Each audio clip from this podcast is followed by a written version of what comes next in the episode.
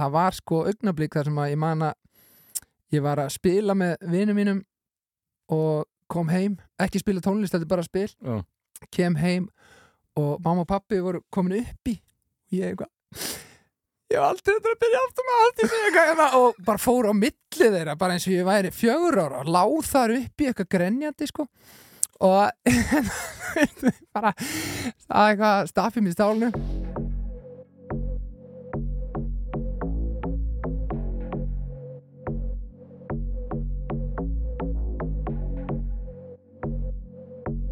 Komið í sæl, ég heiti Þórður Helgi og þetta er Greenland Pop.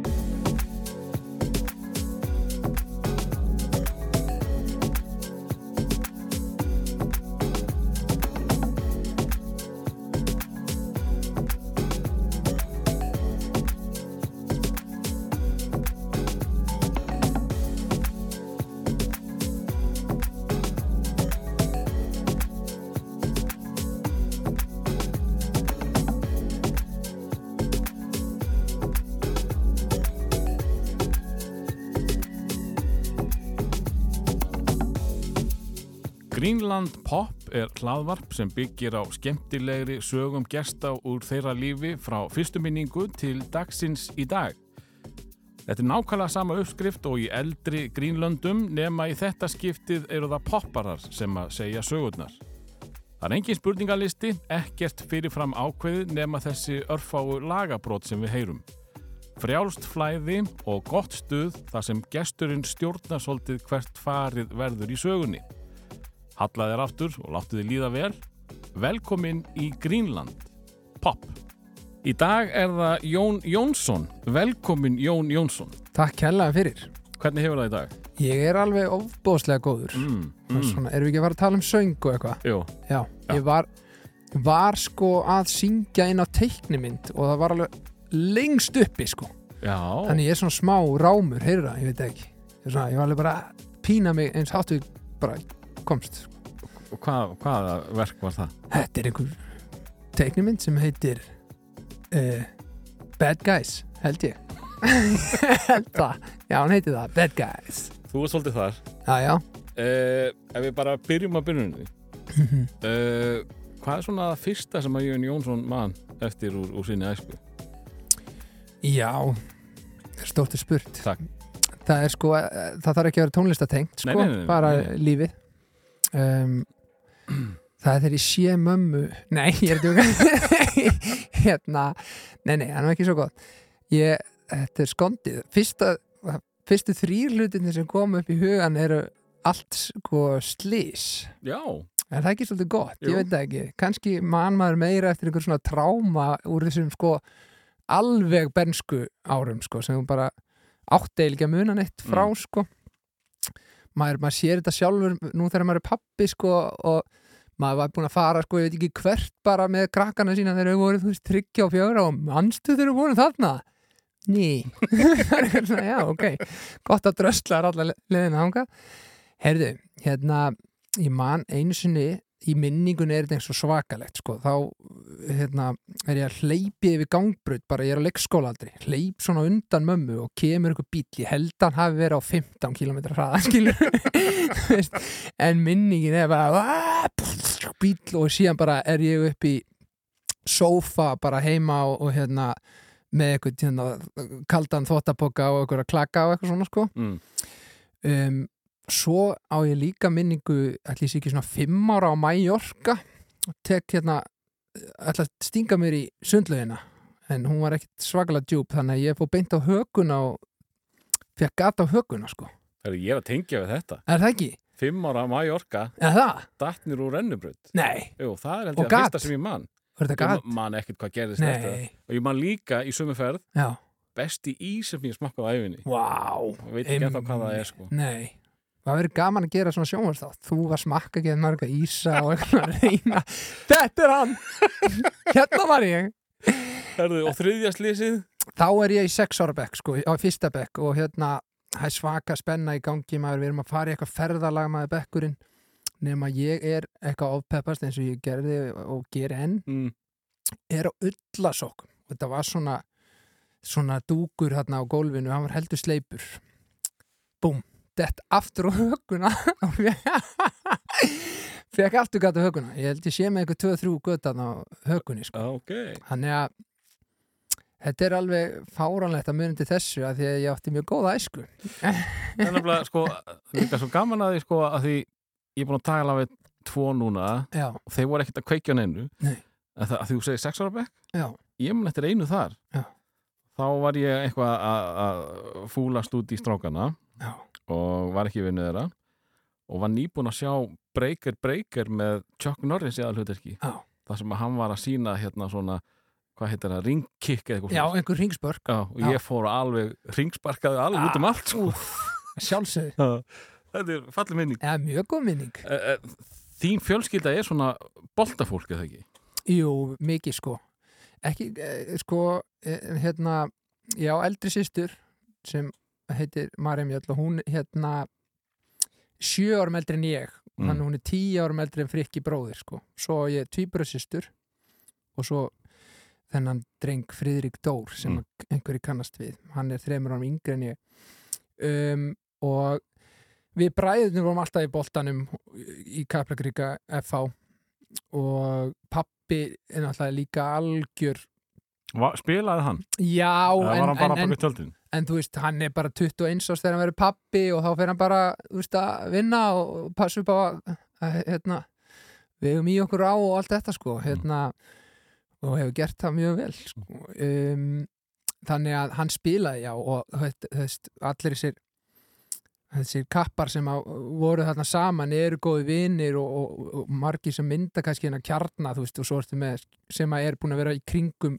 klubbin í öll þessi ár og uh, Viðar frændi sem er þá bróðir pappa Já, það er bróður hans. Já, Þeir eru mjög líkir, er það ekki? Ég menn nefnilega man eftir honum sko þegar hann var í FO og var að spila með þetta Njarvík back, way back in the day. já, Og hann, var, hann rokkaði svo töff sko uh, hliðarhárið. Hann var Já. sk- með skalla já, já, já. og var ekkert að að endilega að minka. ekkert af hann einar ágjur því sko. um, já, en hann er sjáðu til bara, hann er formar F á búin að vera það lengi, sko, það var allur klúpurinn sko. Mm. pappi formar knaspundeildar mjög lengi sko. Fyrst sko 1985 árið sem ég fæðist sko. þannig að ég veit ekki, hann er bara búin að alltaf eitthvað að stússa í þessu. Mikil ástríða. Um, en það er einhvern veginn ég upplifði samt uh, þetta boltastússa mér sjálfum ekki sem eitthvað svona pappi er hérna stússi þessu og ég er. Þetta er bara, þetta var bara svona einhvern veginn frjálsflæði og, og hérna maður bara fann sér fljótlega þó maður hefði verið að grenja í mann það í pínu litla fimmleikasalnum í lækjaskóla allt einhverja æskuminningar einhverja Við byggjum Að- það. já, sko. það, það var fyrsta æfingin maður, það var alltaf mikið fyrir mig sko. en síðan var ekkert aftur snúið og, og hérna, ég er algjör svona uh, búblu strákur sko. bara ég hafna fyrir því er í sebuskóla fer skólinn er bara beint við hliðina þú veist, bara lappa nokkra metra komin í skólan svo fór ég í tónlistaskólan í Hafnafyrði og svo fer ég upp á Kaplakríka á þessar æfingar og bara mjög samvisku samur bara og, og hérna gerði þetta sko og hérna þannig að æskamanns mótast svolítið af þessu. Og Frikki bróðir, hann líka í fótboltanum frændur okkar í fótboltanum. Strákanir síðan í kringum hann í fótbolta. Mm. það var svona bara risastór partur á og maður fer á öll þessi hérna mót, þú veist, hérna á Akureyri og Eyjum og svo fór maður til Svíþjóra og Gothia og allt hvað það heitir. Og, og alltaf svona, þú veist minn vinahópur úr æsku er ekkit endilega sko úr Sedbergskóla heldur meira strákanir sem vorum alltaf saman í boltanum Já. og, og höldum hópin ennþá og, og hérna, alltaf gaman sko Þínir tveir árganga þá, eða þrý sem að... Í raun og veru Já. strákanir fyrir ofan strákanir er 84, ég er 85 og ég og Tommi erum bara tveir hann 85 og hinn er 84 og ætli við höldum ekki eh, svona miklu eh, sambandi við þá að því að þeir voru svo góðir sko, þannig að við unnum svo marga sigra saman sko, þessir tveir saman sko. Þannig að ég nenni ekkert að vera með einhverjum lúser sko. Nei, ég er að tjóki Hvernig, hvernig krakki var Jón Jónsson? um, ég vil meina uh, ég vil meina, mamma sagði oft sko að hérna það að byrja á gítarnum og svona það bara svona var mitt sen sko Varstu full æstur eða? já ég bara, ég, bara með fullt, af orku skiluru og hérna al, ég hef aldrei verið sko einhver dónastrákur sko, þú veist, Mm. ég hef alltaf þú veist, passa mig að, vera kurteis og vingjallegu við alla sko og hérna, sama hverju stiganum fólkið er sko og, en eins og nefnir bara orkan mikil og þú veist, ég gæti ekkert seti bara heilan kennstustund og þagað bara skilur, það var ekki þannig og það var alltaf sama mamma kom, veist, eins og ég segi, á tvíbur og sýstur líka, þannig að ef ég var eitthvað að gera eitthvað ómikið að mér þá komst það náttúrulega til mömmu og pappa líka þannig að ég nefndi því ekkert sko. En þetta var alltaf svona á grensunni sko bara ef, að- ef að kennarin hótaði mér því að setja mig fram á gang að þá hætti ég og hagaði mér sko.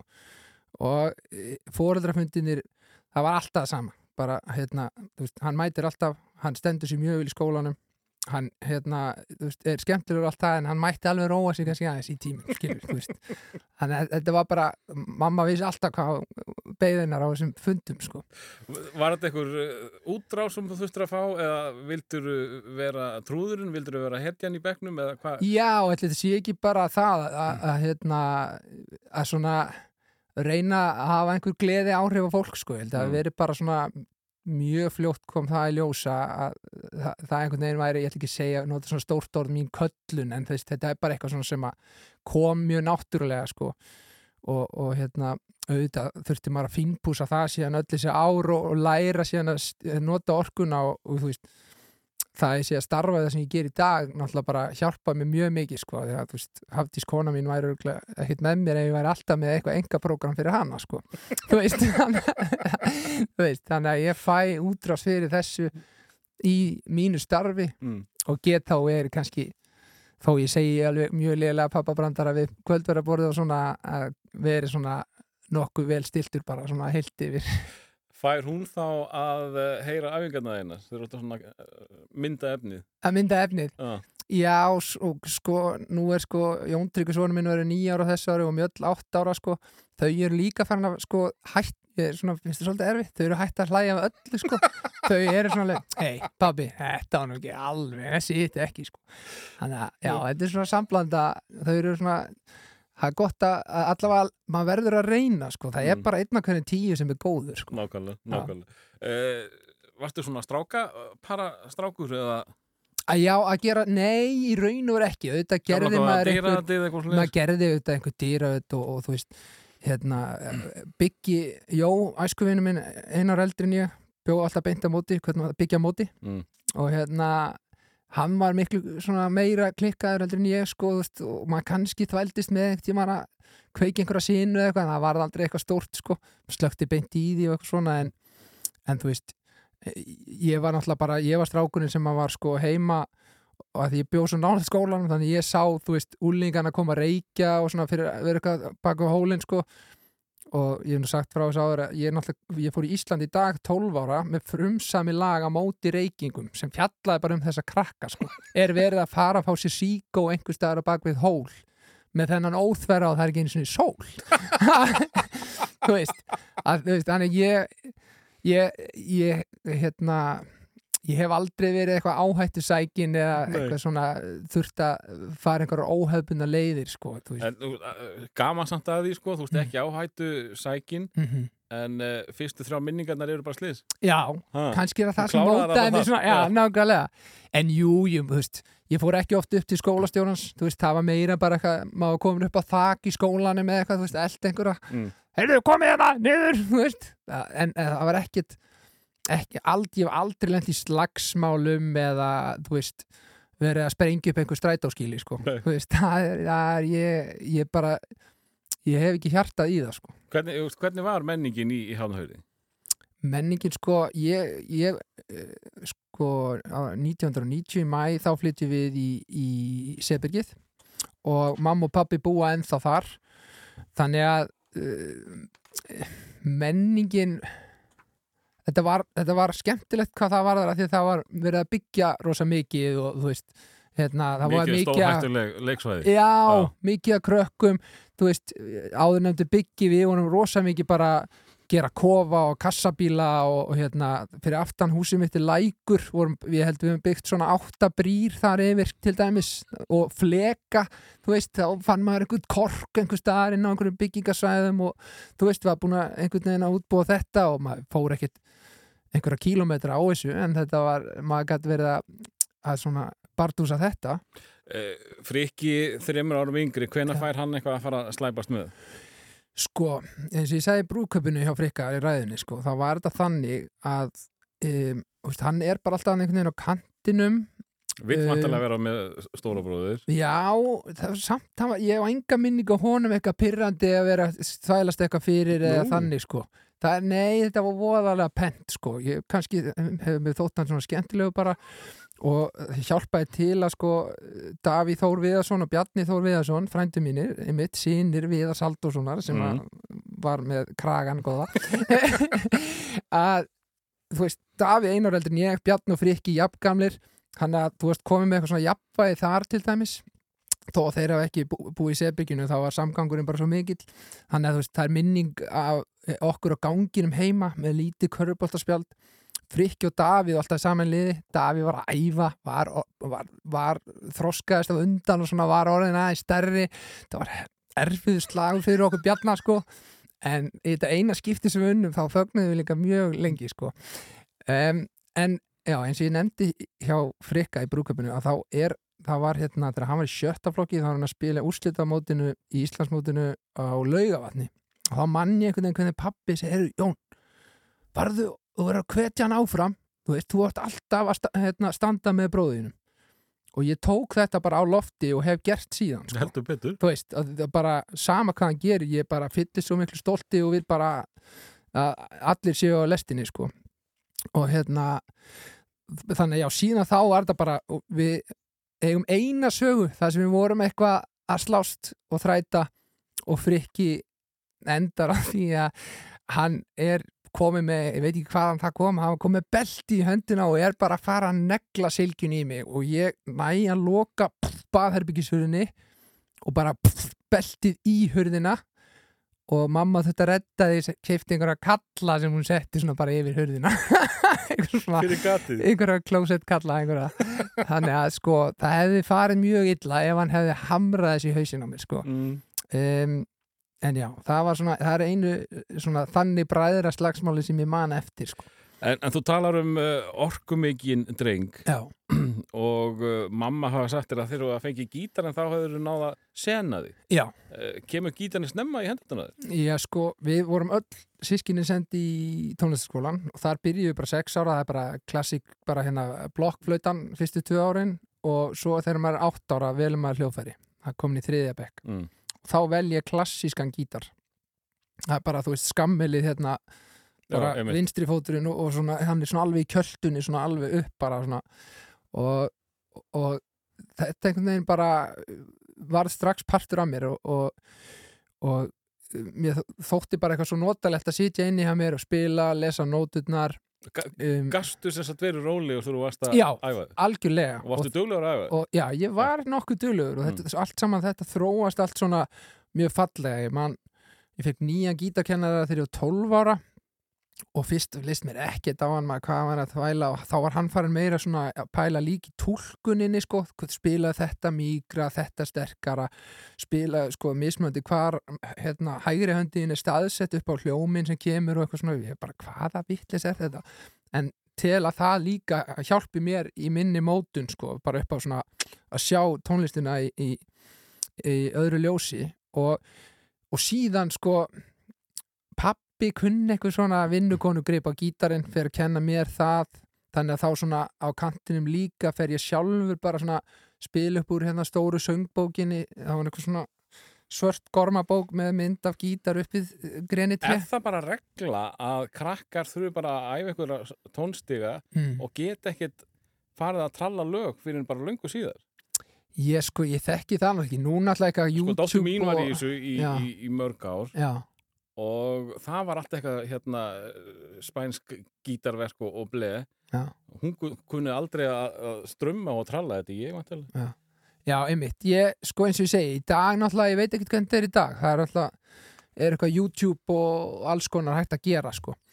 Um, en þarna svona, já, ég held það bara, þetta hafi verið uh, rosalega náttúrulega þróun, sko, upp á fyrsta ná alveg tökum á þessu, þetta er náttúrulega risa stórt tæki í höndunum á einhverjum polla, um, en, en sko hjá mér þá var þetta bara það fóru bara, var þetta bara þannig að þetta voru bara margi klukkutímar á dag þar sem að satt bara á rúmstoknum og, og var að spila beinleið með KK og, og hérna einhver Erik Clapton lög skilur og, og líka bara undir bláhimni skilur og þá var það pappi með manni og eldri sýsti mín kom mjög sterkinn og var að kenna mér einhver lög sem ég kunni ekki neitt sko. Var hún eitthvað að fykta í tónlist líka? Já, hún lærði sem þetta píano og hún kláraði líka söngskólinn í Reykjavík og þú veist, þannig að hún var alveg og, og, og hérna Hanna týpursýsti var á fiðlu og Þetta er uh, hörku band já, já, já, já, já. Og þú veist, hún, Hanna var sko með mér í söngleikjum í Vestló þar sem hún söng og svona.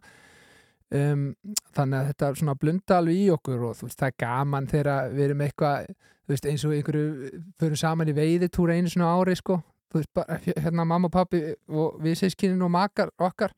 Þá er gaman þegar það er komið smá galsi og, og hérna við erum að, hérna, farin að ratta einhver lög þú veist, þetta er eins og einhver léleri bíómynd sko, en, en já, en, en, en, en samt sem áður, mjög skemmtilegt Eh, Þannig að sko ég held að eh, boltinn væri nummer eitt í þessari fjölskyldu en uh, tónlistin virðist vera ansi ofalega. Já, fer eftir hvernig þú lítur á það sko, Pappi kunni einhver grip. Já, hann Hva, kunni einhver hvað, grip var, hvað, var, hvað var mom and dad að hlusta á? Sko, í, Hvað var, Það- hvað já. var í plötuskápnum? þú veist, hérna það var hérna Bob Marley platan mann ég, ég man eftir Bubba, ég man eftir hérna Eric Clapton um, hérna Joe Cocker maður, þú veist, þetta er alveg, alveg smá rock and roll líka sko. Eldri sýsti mín hefur líka áhrif. Ég man að, þú veist, hún er að hlusta á Sálina Sjónsmíns, hún var að hlusta á Aretha Franklin þú veist, eitthvað svona. Þannig að þar Svona fær- eitthvað drukkið að rítu í því. ég segi maður fæði svona smá Já. sálina líka sko, svona sálar tónlistina og sko, en samt fyndi að til dæmis frikki var miklu meiri einhver svona að fara grúski einhverjum böndum heldur en ég sko. Þú veist, ég bara framan að fekk bara pottjetplötu og var bara í skíunum sko, þú veist, bara mjög staðislegt og hérna Þú varst bara tilbúin að vera bara í því sem að er að heyra hvað sem er. Í, í, í raun og veru Já, og líka sko, mér finnst líka alveg fallegt sko að þú veist hvernig er að fá allir þessi nirvana tímabil og, Mm. og hérna Metallica og eitthvað svona sko og hérna uh, maður pikkaði það upp frá strákonum í kringum sig. Um, e- og gaman að ég, þú veist, auðvitað endaði ég á því að fíla sko unplugged, MTV unplugged efnið hjá þessum sko, þú veist, þetta er bara svona bara, þetta er svo fyndið hvernig bara við erum bara mismunandi still Já, sko. Og ég meina, þú veist rappið hérna, fórstu okkar þangað? ég fór ekkert djúft sko, ég man bara Andri Birgis maður sem var mér í bekk sko, hann og Mikki maður, þeir voru mikið að rappa sko, þannig að þar fekk maður smá aðeins að hlusta og maður hlusta á Kvarasi maður og hérna maður hérna kefti plötu með Tupac mann ég einhvern tíma sko, Sem er soft. Já, já, nákvæmlega, veist, þannig að ég hef aldrei verið grjót harður gaur, þú veist, það er bara Og Hérna að því þú talar um að Frikki hafi farið dýbra Já. og svona grafið dýbra. Uh, pikkaði hann eitthvað upp frá honum? pikka ég upp frá honum Eitthvað tónlist sem hann var að, að mæla með? Já, ég samt ekkert svona sem man eftir þannig, sko og, og, og við náttúrulega sko þegar ég er 14 ára, hann 11 ára þá fáum við sko trommu sett í jólegjöf Saman. saman. Já. á falleg stund sko, fengum ljóð hérna frá mömmu og pappa sem að einhvern veginn fikra okkur yfir til Fríð og Jóa sko, einmitt mamma og pappi bygga móti sko, Mm. þar í bílskutum að móti varða skilur, þú veist, þannig að þú veist, við þurftum að leysa einhverja þrautir í gennum ljóð, ljóðið og hérna enduðum þar og mikil gleði sko. Um, og það var svolítið upphafið af hérna svona bílskúrstúsinu sko, þú veist, þá var ég með einhvern dramaskítar bara einhvern basic og hérna frikki kannski á trómánum þá fór maður að bylla einhverja, eitthvað bara alls konar sko. Mm. og ég held að allar þær stundir að maður búi að þeim í dag sko. Eh, þá kannski kemur að, að, stóru spurningunni já, sem að þú hefur verið spurður áður margóft og ég, ég ætla nú að byrja þig að vera ekki að halda einhverju tilbaka vegna og svo er búin að segja áður. Mm. ég vil bara sapna allum þessum sögum saman á eitt stað já, og mér er skýt saman þó að allir hafa heitt áður Já. en mhm það er mjög eðlilegt að spyrja hvenar þú ferð að eh, semja eigin tónlist og ég ætla að segja Mhm. segðu mér það eins og að setja að tala við sex ára já, En svo ætlaði ég að segja, Mhm. nei, þú þarft þess ekki. Nei, Hvað veistu gaman þegar þú byrjar að semja tónlistina þína?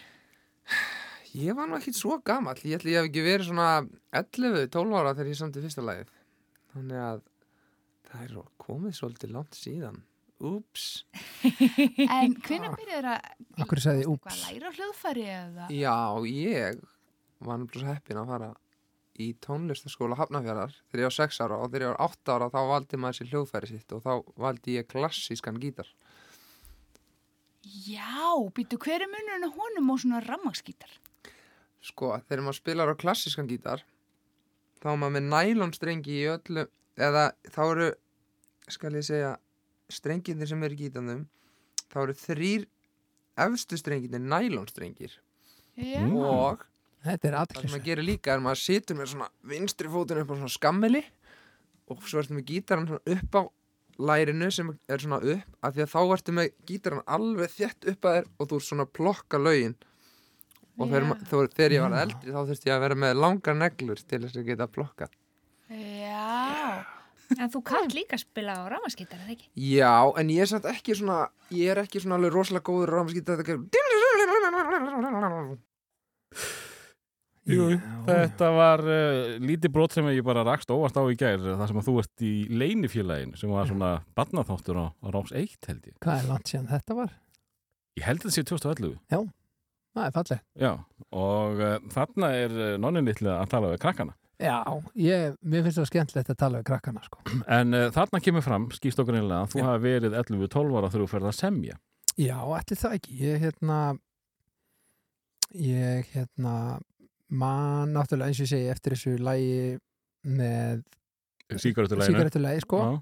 Svo í áttunda bekk þá vinn ég hæfileika kemni hafnafjörðar með hinnu kingimagnaða lægi sko hún sagði nei Mástu hvernig það hljómar? ég sko ég lifði aðeins fyrir stúlkuna ég lifði aðeins fyrir ástina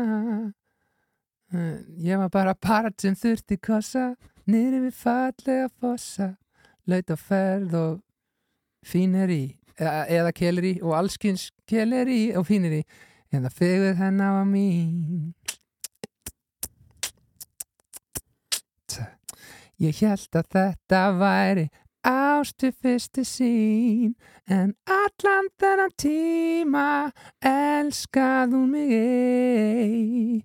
Ég spurði hana en hún sagði nei. Pældi þessu. Já, þú ert svolítið að setja tónin fyrir eitthvað snemma. Já, sko, komin strax í ástarballu þetta, sko. Já.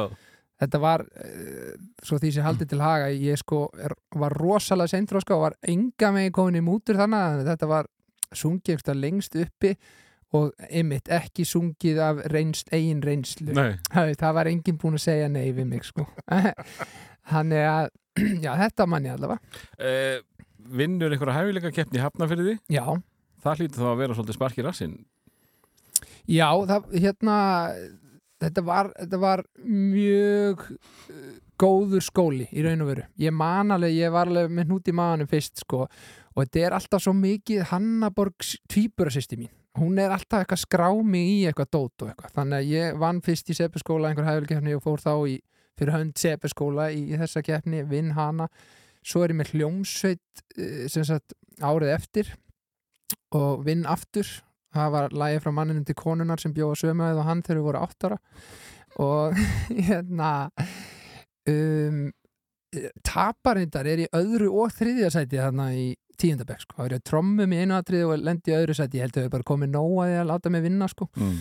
það var dansatriði sem vann frábært dansatriði en hérna um, já, að því að sko að því að nefni hönnu að síðan í Vestló sko þá ef ég má fara svo langt sko Mm. þá skráir hún mig í pröfur strax á fyrsta ári fyrir nefndamóti Býtu, sko, þú ert svolítið að, mála hana sem sögundólki í því að þú hafir uh, náð þetta langt. mm -hmm. Samt eru svolítið margir sem vita ekkit af henni. Nei, Þú varst ofta að segja ég á tvíburasýstur mm uh, algjörlega, eh, ég og hann er, henni er rosalega margt að hún þakka. bara ítti þér út og drósi sig henni hliða eitthvað. alltaf, hún alltaf var aðeins eins og ég segi með mér í, í, í Vestlunarskóla leikritónum, söngleikjónum.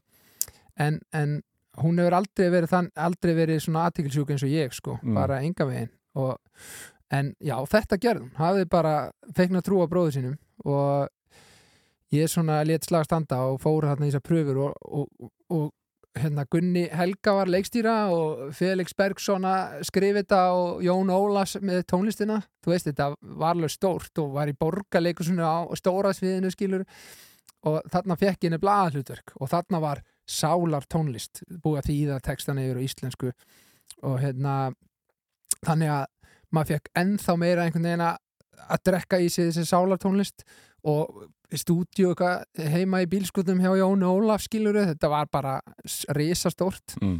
og alveg söng úr mér lungun mann ég þegar ég var að syngin slappað af ég, slappað af textin var KK hafði náttúrulega gert sko sína útgáfu af Think með Arethu Franklin sko Mm. það var svona lástemdara en ég keirði bara á Arethu Franklin bara með þessum íslenska texta og ég man að ég þurfti að fara sko hlaupa út úr, þú veist það er svona þykk hurð á söngleganum út og það út og út á götu. Bara ég held ég væri að fara að guppa á hausinn á mig að fara að springa sko.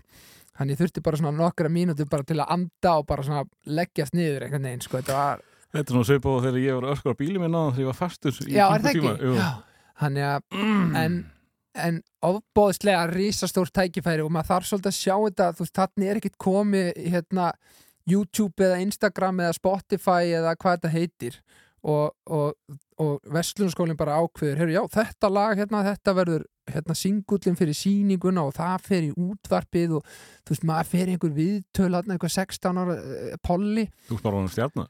þú veist sko, ég ætla ekki að segja þannig en það var alveg, þú veist, það komin alltaf fullt af hérna, grunnskóla krökkumæður og þú veist, við vorum einhverja 20 sýningar og allt að gerast Á skilurðu. stóra sviðinu? Já, já, Já. en, alveg og, og hérna þarna var ég, ég man að var einn gaggrinni sko, ég hefði sungið vel en hefði verið eins og ofvaksinn fermingastrákur af því að hérna þú veist, ég nota sko nummer 40, nei, 47 á skóm og er með svolítið stórar hendur Já, vá, ég og, og samsvara mér kannski ágætlega núna en þarna var ég bara, ég veit ekki 1.70 eitthvað eða eitthvað, þú veist, bara og voru rétt skotnir, svona Já, ég segi, þeir voru mættir. Og byrjunatrið þá var eitthvað svona, svona tjald fyrir og ég svona að læta svona með handabendingum koma að tjaldið er að fara upp sko, þannig að það er einhverja blöðkur bara á einhverjum litlum dreng þarna í einhverjum jakkafötum um, þannig ég, ég skildi veist, maður kannski tók þetta inn á sig þá en ég skildi þetta í dag, Mm. þessi orð Uh, ég hérna, við erum komin aðeins og langt Já, fyrirgeðu mér uh, Við ætlum að kveðja þá bara hérna barnið Jón Jónsson Já, með uh, þá kannski lægi sem að minniði hvað helst á barnæskuna. já, Áttu þið svona barnalag? Já, sko ég vona að sé í lægi að það sé það lag en hérna ég söng Sókrates aftur og baka áfram sko og hérna söng það í hérna í, hvað heitir þetta eldvarnatæki þérna, hvað heitir það? Bruna slökkvitæki þá gæstu tekið svona skilur Hæ? þú gæst tekið stútin og það sko frá og þá var það eins og mikrofót skilur Já, veist hvað við þetta, var- þarna var ég heima um og afa bara alveg að negla öskur syngja þetta lag sko Heyrum þá barnalagið hans Jón.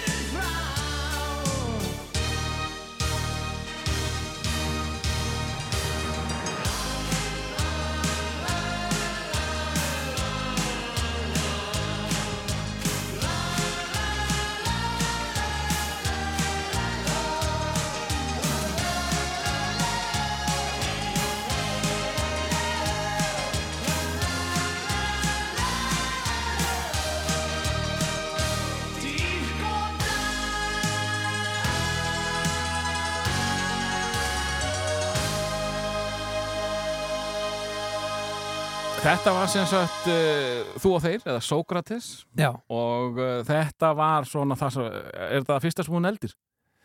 ætli það ekki, ég á enga sönnun Nei. en mamma hefur talað rosalega fallega um þetta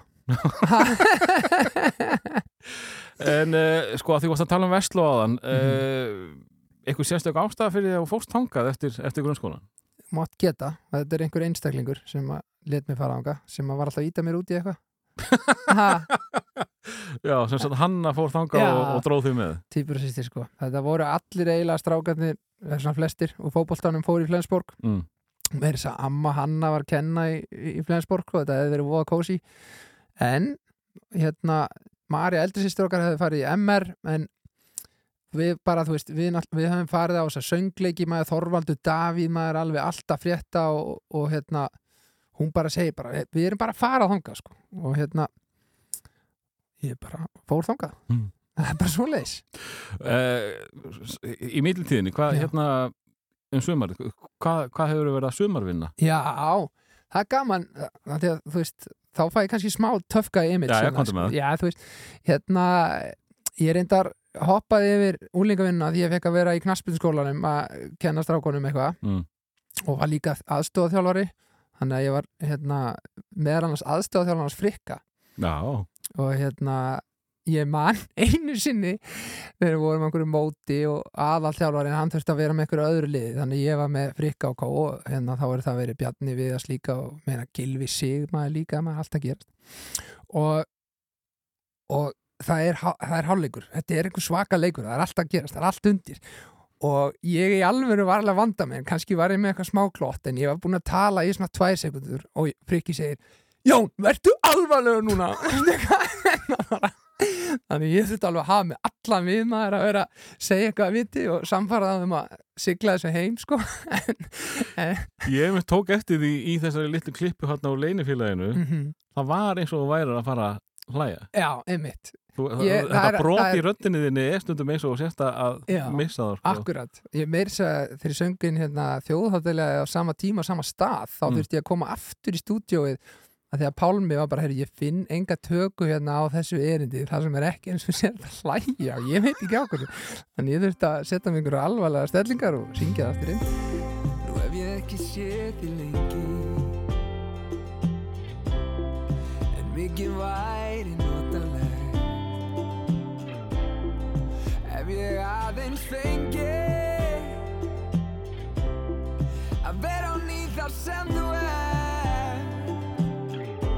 Já, síðan sem sagt fyrir, fyrir Vestlunarskólan Mm. þá fór ég að því að pappi átti alltaf eh, fyrirtæki sem heitir heitir enn, já, og hétt á líka Saltkaup. Hann var bara saltkongurinn maður með í fiskin og gödurnar og allt hvað það heitir.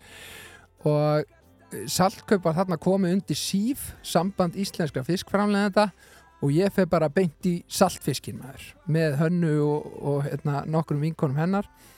Og þetta var bara alveg æfintýri sko, þetta var bara, þarna fann maður bara maður fekk greitt sko vikulega og Mm. allt í hennu var bara Seðlar? seðlar komnir Já. inn á, nei ekki seðlum Nei, inn á banka uh, en maður bara allt í nú hafði aldrei séð svona tölur inn á bankareikning veist, það er örglega ekki háar ef maður lítið tilbaka en á þessum tíma verandi þetta hvað 14-15 ára gamall að að þetta bara keiri mann í gang og það er yfirvinna, já, ekki, ég kem að mæta yfirvinna maður og hérna lauga þetta smotnar uh, klukkan 5 um morgunin sko, vera að mæta hjóla maður, engin bíll einhvern veginn, bara maður á miðri göttinu, maður að siksakka á hérna strikonum, á leiðinni vinnuna maður, þetta alveg geggja dæmi sko og, og alls konar fígúrur auðvitað að vinna með manni sko, alveg frábærar og, og þarna var maður einmitt að söngla og, og búa til stemmara sko, bara þú veist, maður var stóð kannski með fullt að liðið að slá saltið á stóru flökunum eða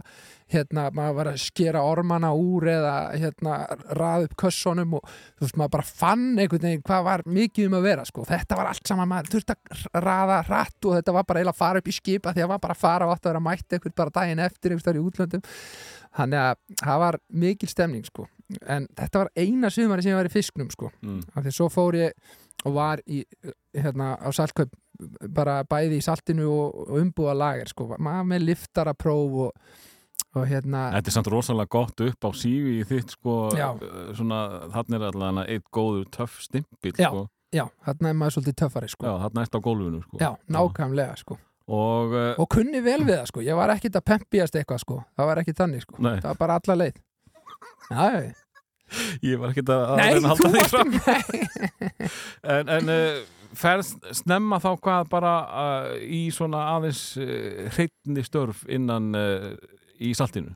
Já, það eru örgulega hreitna en það var ekkert eitthvað, þú veist, ég var alveg í, í skítagalla sko, Já, þú veist, og hérna annarkort var maður að taka saman pantanir á hérna, umbúðalæðinum eða sko í saltinu og það gat sko það alls konar í saltinu sem maður var að gera sko bara stundum meiri sá var ég að stelast til þess að ef einhver sá sem aðalkallin var ekki sko þá þurfti ég fara upp í gröfu þú veist og þá þetta keira alveg bara negla inn í salt hérna hólinn allan Já.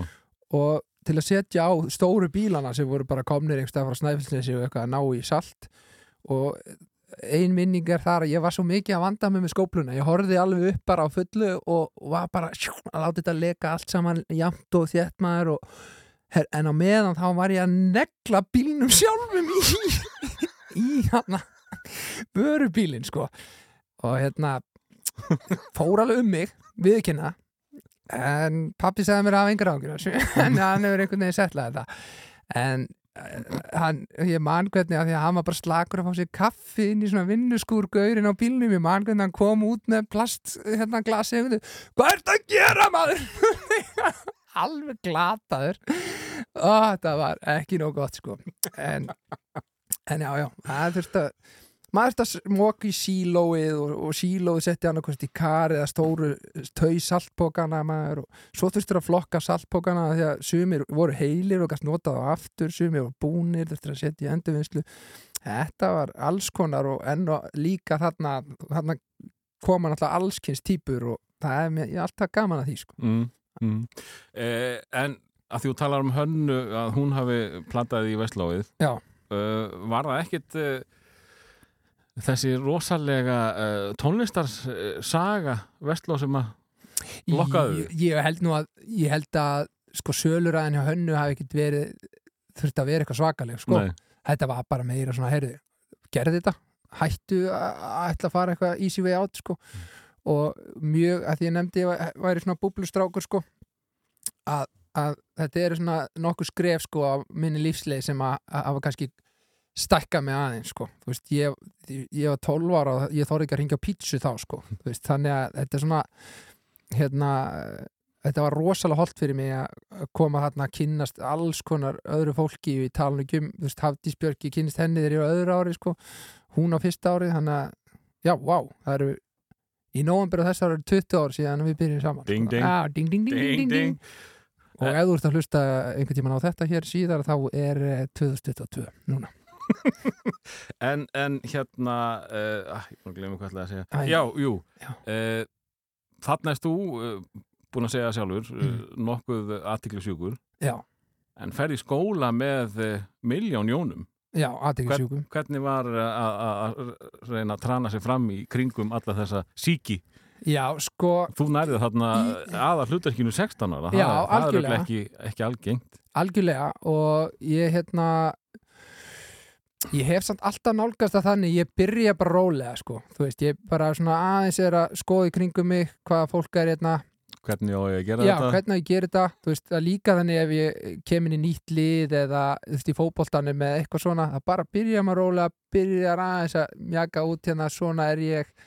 Og svo einhvern veginn springur það út sko, að, að því að ég, eins og til dæmis þó ég hef landað þessu hlutverki að þá ég þorði ekkert alltaf að vera eitthvað á marmaranum þú veist, það sem að eh, stóru krakkanir voru sko, Já, já. þú veist, maður var ennþá bara uppi á fjóruðuhæðinni þar sem að maður var með heimastofu sko Mm.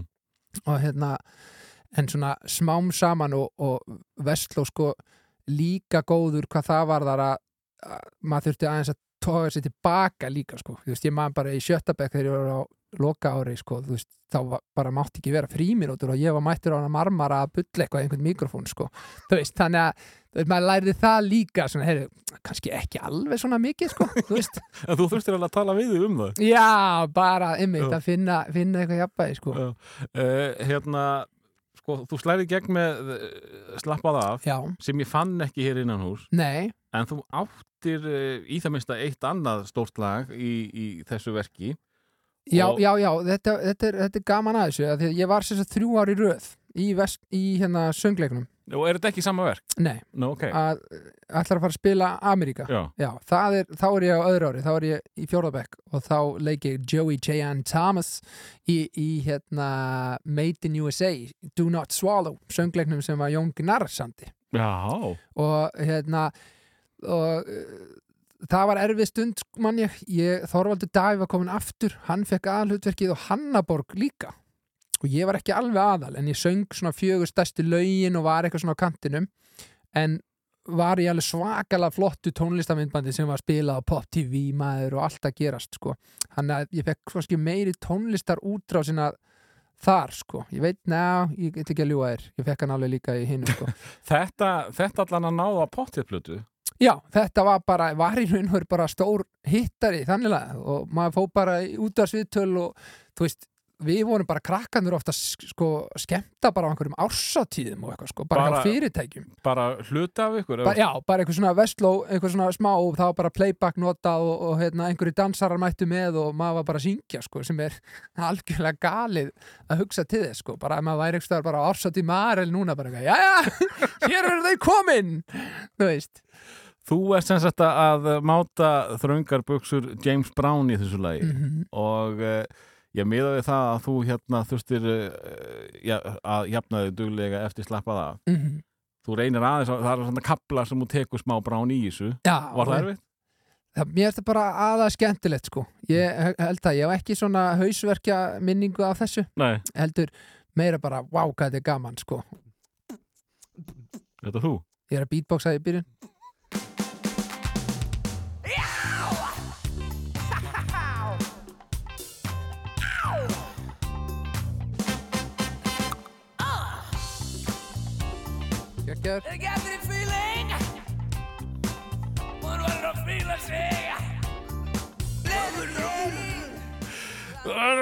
sig Þetta er bara hinn íslenski James Brown og það er ekkert að því. Nei, nei. og uh, þarna ertu sem sagt þetta er uh, eftir því sem ég best veit fyrsta útgáfan þín af uh, dægulegi uh, var uh, slappað af söngleikunni gefin út á plötu eða eitthvað slappa af söngleikurinn hann kom út á söngleikurinn hann kom út á plötu. Já, ok, það, það er fyrsta útgáfan þín eða eitthvað já, en þessi greinlega náði lengra ef hún er til í safninu eða ykkur sko. Mm. en ég man að slappa af var eitthvað spilað og hérna, annað hérna I'm a soul man var þýtt ég er fóli það var líka í útvarpi og sko slappað af var hérna myndband sem var meðal hann að skoti þannig í turninum sem var þannig hjá sko Esso sem var eiginlega basically það sem harpan og það allt er núna. Já, já, þannig að þar fór myndavælinn í ringi kringum mig og ég var eitthvað öskrum í lungun. Mikið stemning, mikið gleði og allt þetta er náttúrulega eins og það, það var bara einhverju krakkar skilur úr skólanum með einhverju myndavél sko. Byrjar, byrjar, hvað heitir það, 12? 12, nei. 12.0 Já, byrjar það þarna? 12, ég hérna var í 12.0 í tvö ár. Hvenær byrja það? Í- Á, á tímabílu var þetta bara með því vinsalasta bara hjá krökkum Já, algjörlega. Þa, það sko, við erum í raun og kynnslóðan undan því. Mm. 12.0 var al- búið að vera til árinu ég kem í skólan. Um, ég man eftir að Björn ég talaði einmitt um þetta þegar hann var hjá þér í Grínlandinu af því að við vorum saman alltaf í 12.0 og Hannes Þór Halldórsson hann var líka það hann var sko formaður vídjónefndar sko, hann var alveg bara sá um að taka þetta allt upp og maður var inn í þessu nefnda kjallara að klippa eitthvað dót alveg heilu næturna sko, svaf bara þannig í einhvernum sófa sko. En alltaf, alltaf síðustu stundu það var bara þúsund manns að býða í bláa sala eftir einhverju frumsýningu og maður bara tengja saman einhverja þræði hann alveg í lokin. En það hafðist alltaf og, og það var virkilega skemmtilegt. Bara hérna alls konar sketsar og Já, líka það var svona sketsasjó Já, og taka, taka hérna viðtölu á böllunum og öllu þessu fullt af þessu sem myndi aldrei fljú í gegn í dag sko, af því að tíðarandin er bara breyttur mm. þú veist, þú veist bara taka viðtalið við einhverja fulla krakku í sleik skilur þú veist bara, þú veist, þetta var nei við skilum nú ekki, þú veist kom, og sumt svona þurftum við að koma í gegn hjá námsráðgjöfun sem var horfð alltaf yfir þáttin og eitthvað svona og bara hugsa sér bara sumt af þessu ymitt sem að það myndi aldrei gangi í dag sko Mm. Um, en mjög góði skóli líka sko að, Já, hérna, komum aðeins nei, bara að skólanum sjálfum. Já, því að uh, þú uh, ferð úr skólanum með diplómu. Já, uh, meða við það að vera í söngleikjum 12.00 Já. og uppistanda á marmarunum eða Já, já. já, akkurat. Þannig að það er orka í þessum strák og svo ertu líka í fótboltanum Já, það hérna, ég man að ég þurfti samt sko í öðrum flokki að gefa eftir fyrirlega bandi sko. Ég var fyrirlega alltaf eldra ári upp alla flokkana en að því að þú veist, svona sérstaklega í janúarmánuði þá vorum við alveg að æfa á fullu sko að því frumsýndum alltaf fyrsta fimmtudag í februar Mm. og hérna, ég man að Guðlaugur Baldursson hérna, tók mig til hliðar og bara, herru, hérna bara þú veist, þannig að allir séu góðir sko og hemmi hann var fyrirlið sko en það er alltaf lagi. Eh, þannig að já, fótboltinn var með og góðu skóli en ég syndi líka náminu sko, bara þannig að því sem ég haldið til laga sko, að hérna og lægsta meðalengunin sem ég fekk var hérna þriði ári, fimmtabekk um jólin. Að því að ég og Hanna Borgunum saman allan grunnskólan tíu ár og fyrstu tvö árin í Vestló í bekk. Svo þarna var ekki Hanna Borg til að halda í hendina á mér. Og ég hérna ég man ekki hvort ég hef farið sko undir áttaði meðal einhver 7,8 Uss. eða eitthvað svona. Og man ég kom grátandi heim sko bara alveg ömulegt alveg bara og hérna hanna náttúrulega með miklu meira að því að veist hún hafði alltaf sko bæðið þetta var hún sko varð hún til þess að ég vildi standa mig bara til þess að hún væri ekki alltaf að vinna mig heima sko. En líka bara ah, heyrðu ég er ekki með glósutnar hérna. Já ekki máli hérna. Þú veist og við lærðum rosa mikið saman og svona sko. Um, en þetta voru þungskref þarna eftir ég fekk einhvernig spjaldi þarna. Tæplega átta og það var bara alveg að drepa því já þannig lag, þetta hljómar úkslega leiðilega en það var bara þú veist, ég nenni ekki að skafa ég á- átti bara mjög auðvelt með að setjast niður læra fyrir þessi próf og bara standa mig sko. Mm. Ef þú myndir spurja mig undir eitthvað núna ég veit ekkert hvort ég myndi muna það sko. En, en hérna, sko, og, og náðu þetta svala þessum tónlista þosta þínum að gera þetta allt í skólanum? Þú varst ekki í einhverjum bílskósböndum eða Nei, nefnilega ekki sko, kannski þarna var ég smá bara svona uh, leini skáld í raun og veru, af því ég var alveg byrjaður að semja lög og, og bara eitt af mínu stærri lögum til dæmis þegar ég sá þið fyrst um, að það samdi ég þegar við byrjum saman í á Hafdí sko, 2002 mm. og hérna en það bara hún sem fekk að heyra sko, ég var ekkert að syngja það neinstæður í einhverjum keppnum eða skólanum eða, og ég þorði aldrei að taka þátt í vælinu til dæmis. Í hérna söngakeppni ég vildi ekki láta dæma í einhverjum söng sko, þú veist, fannst bara nóg útrás að vera í hinu. Um, eh, en ég var svona, eins og ég segi ég var svona leynilega bara að semja mín lög í róliheitunum Kristján Sturla sem að hérna tók upp alveg alla fyrstu plötuna hérna Wait for Fate að hann svolítið dró vagnir þarna. Hann var heima í Mosó bara í herbygginu búin að setja upp hérna einhverja græjur og byrjaði að fykta í þessu. Þannig að við vorum stundum að leika okkur sko bara á þess að nokkur að væri að heyra endilega að taka upp lög. Um, hann meðal hann að stoppaði mig að því ég hafði hætti minn sem saman í eitt ár og þá samt ég lag sem heitir To Her sem er ástasorgarlag og ég ætlaði bara brendi þetta disk, ég ætla að fara með þetta til hennar. Hann eitthvað, nei, þú ferð ekki með mig og verður að vera, þú veist, cool bara act cool. Og hérna en það er líka lag sem að hérna, aðdámyndu mínir þekkja sem er mjög fallegt. Um, en hann í raun og veru dróð þennan vagn og afsaki ég hoppi í Vestló að þegar ég er komin í Boston að þá er ég svolítið á núlpunti að því að þau þekktu ekkert minn bakgrunn þar. Og þar verði meira strákunni sem kann að semja lög og syngja og gítar. Mm. ég, ég fór á fótboltastyrk, var í fótboltaliðinu þannig mjög fljótt komin í stóra kreðsu sko, bara að hérna fótboltagæðinir og stelpurnar sem var í fótboltanum og svo vor, var þetta svona stórt samfélag íþróttafólks í raun og veru. Við mætum hann í ágúst á undan öllum öðrum að því við erum á hérna, svona undirbúnist tímabili og svoleiðis sko. þannig að þar verða líka til einhverju töfrar og ég get farið að syngja þessi lög ég, ég og Frikki voru búin að búa eitthvað til saman líka á ensku Sunny Day in June til dæmis er lag sem að ég og Frikki samt í textan við og ég samt í lagið og hérna sem er náttúrulega algjörlega gali líka. Við vorum bara einhverju kjúklingar á rúminu heima að semja með eitthvað Still we dance, the sweet romance Always I love you. Fólk bara, uh, þetta er eitthvað skrítið. En hérna þarna, þetta var líka svona varð eitthvað til og ég alltaf þegar ég kom heim á sumrinu um jólin þá fór ég til Kristjáns, tók upp söng inn, hann var svo að leika sér fekk í raun og veru smám saman inn hljómsveitina sem varð mín hljómsveit svona framan af sko. Já, ok. þeir að spila inn og, og hérna, búa til og stækka hljómin allan sko.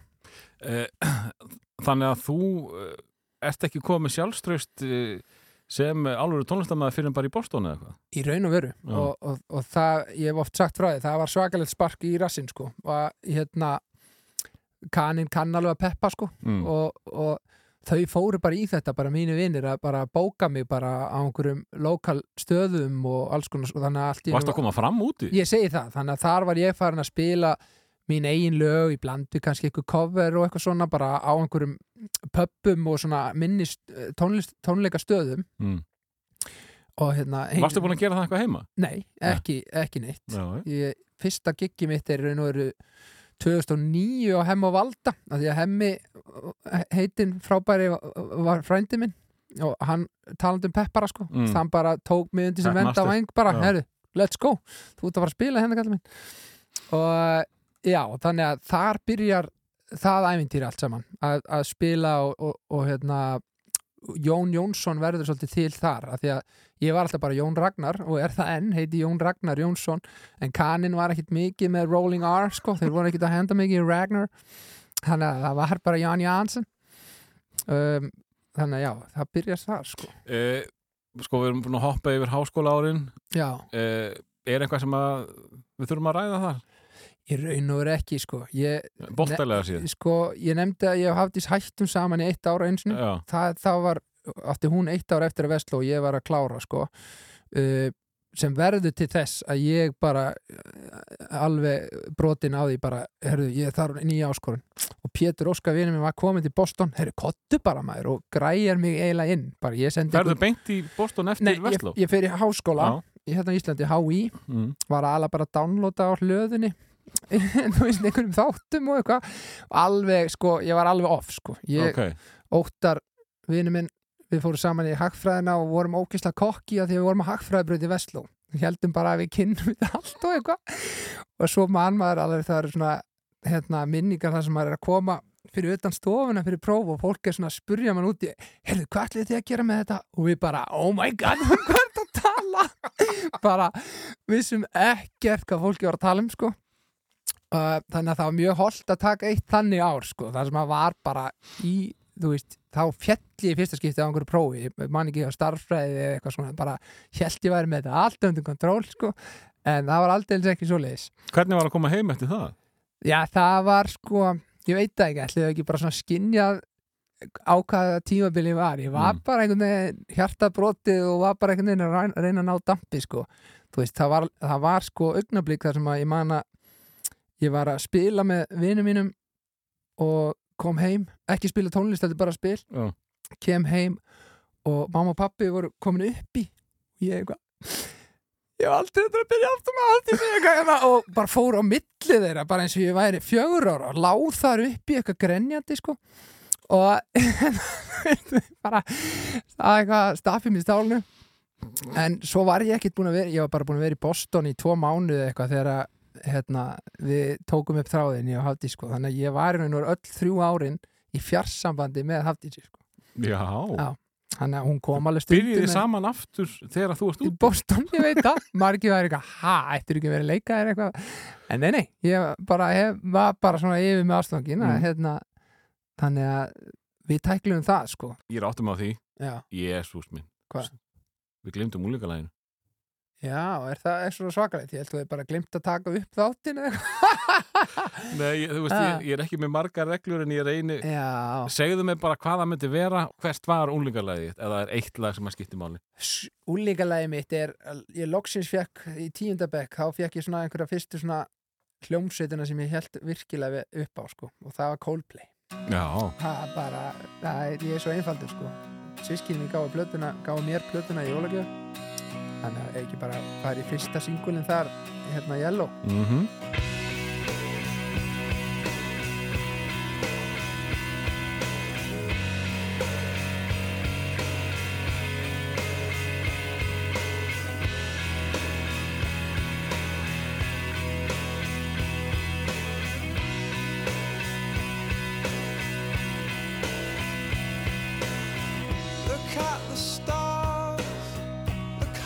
how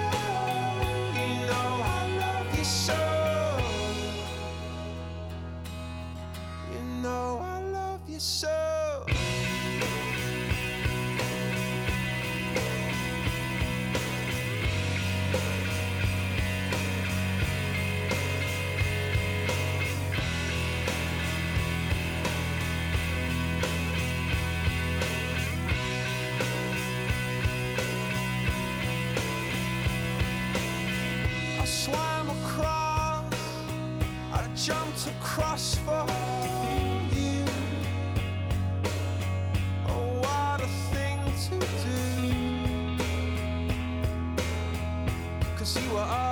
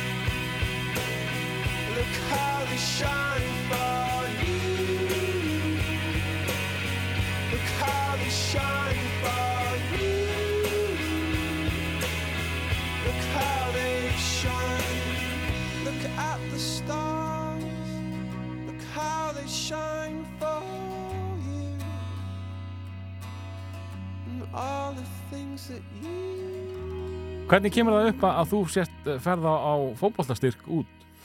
Sko, Pétur Óskar vinur minn, við vorum alltaf saman í FH og hann átti einhverja undir 21 ásleiki og svona þannig að þannig kemst hann út í skólan og svo var hann þarna aðleit líka Hæ- hætti með unni bytnu sem var Miss World sko og hann var alveg að brotin og við einhverju Já, við einhverju MSN spjalli bara alveg dán á því bara og hann kondu maður, þú veist og hann í raun og veru græja mig bara inn sko að því að hann, veist ég hoppaði yfir mjög mörg þrep að því að ég fór bara í beint samband við þjálfaran og hann bara hafði trú á þessu sem Pétur var að segja, ég sendi nokkra leiki upptökur, hann horfður að það ok, snilt þú kemur bara Er svona lítið mál að komast á samning ef þú kannt eitthvað í, í fótbolta?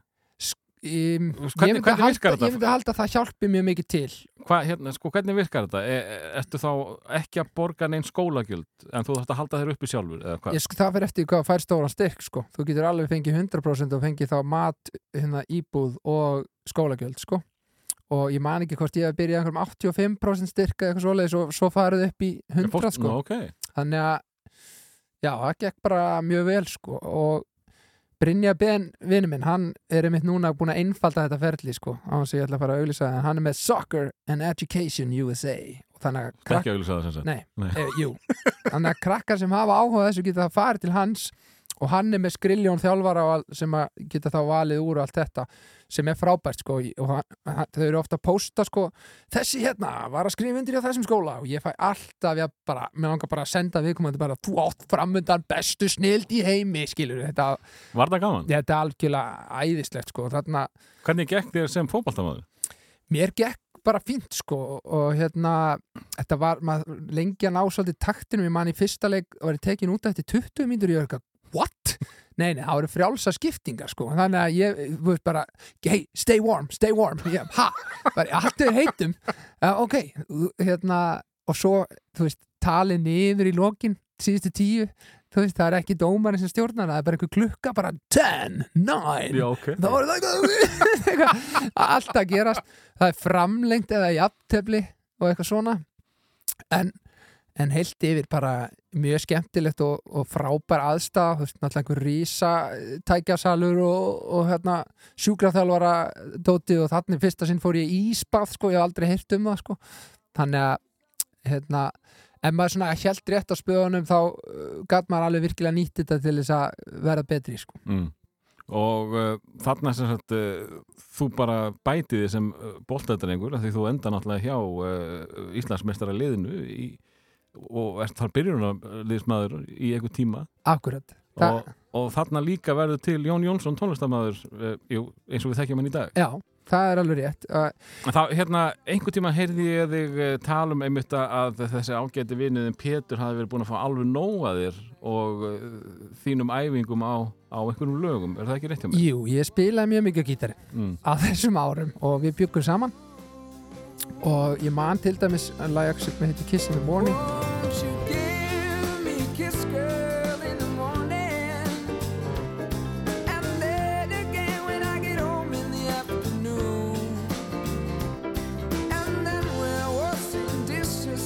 Won't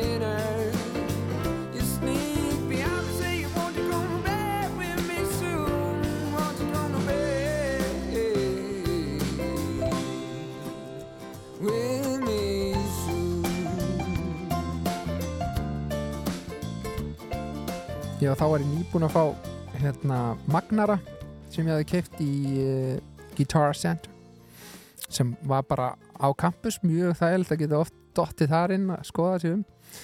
Um, og þá kemur bara það stef til mín og hvort að Pétur hafi ekki verið að læra fyrir eitthvað prófi eða eitthvað, en ég þurfti allavega að fara og her, ég er um að semja lag maður. Þú veist, get ég fengið, má ég vera bara tíu mítur upp á maður, en þú veist, hérna, "Á, ok.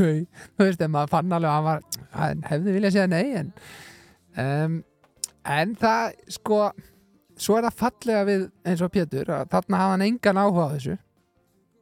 En ég held að maður hafi náða laumisvinn að því að hann hefur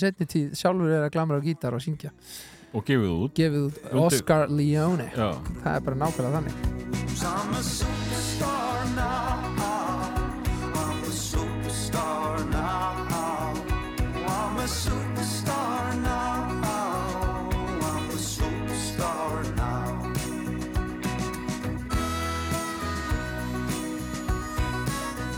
Þannig að þetta er einhvern veginn þetta er einhvern veginn allt skrifað í skíðin en, en hérna fyrir já, hressan Ísleiting hvernig er, hvernig er að búa svona lengi í Bandaríkinu? í Bandaríkinum Já. Hvernig er lífið sem Vá. þú varst eiginlega orðin kani eftir 1-2 ár? sko ég er nú líka alveg heima kær sko, Mm. þetta var náttúrulega eh, framan af blúsandi góðæri og maður gætt farið heim og allt þetta sko uh, með einmitt hafdísi og eitthvað svona hérna, þannig að ég var kannski aldrei að fara alla leið ég sá aldrei fyrir mér að fá eitthvað vinnuvísa eftir útskrift eða eitthvað að prófa það en, en þetta, þetta er bara svo gaman líka því að þau voru svo móttækilega fyrir þessari eh, nýju vitt einhvern veginn, einhverjum Íslendingi sem var alltaf einhverjum galsa og tilbúin í einhverjum rugl sko.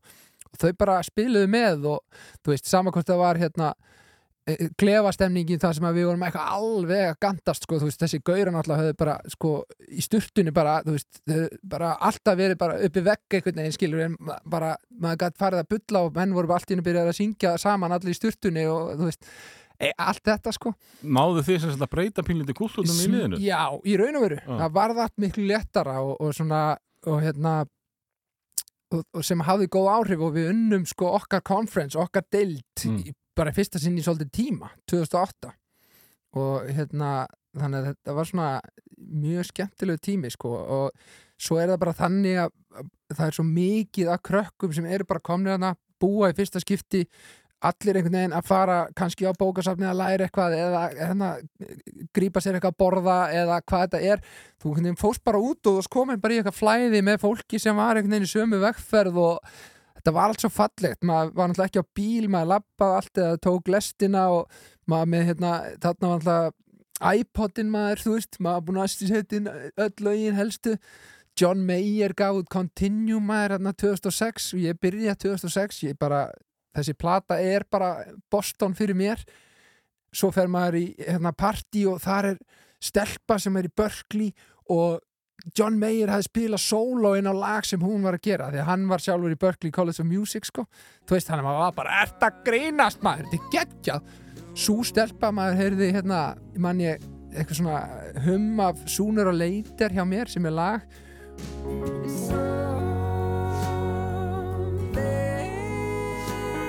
Something is wrong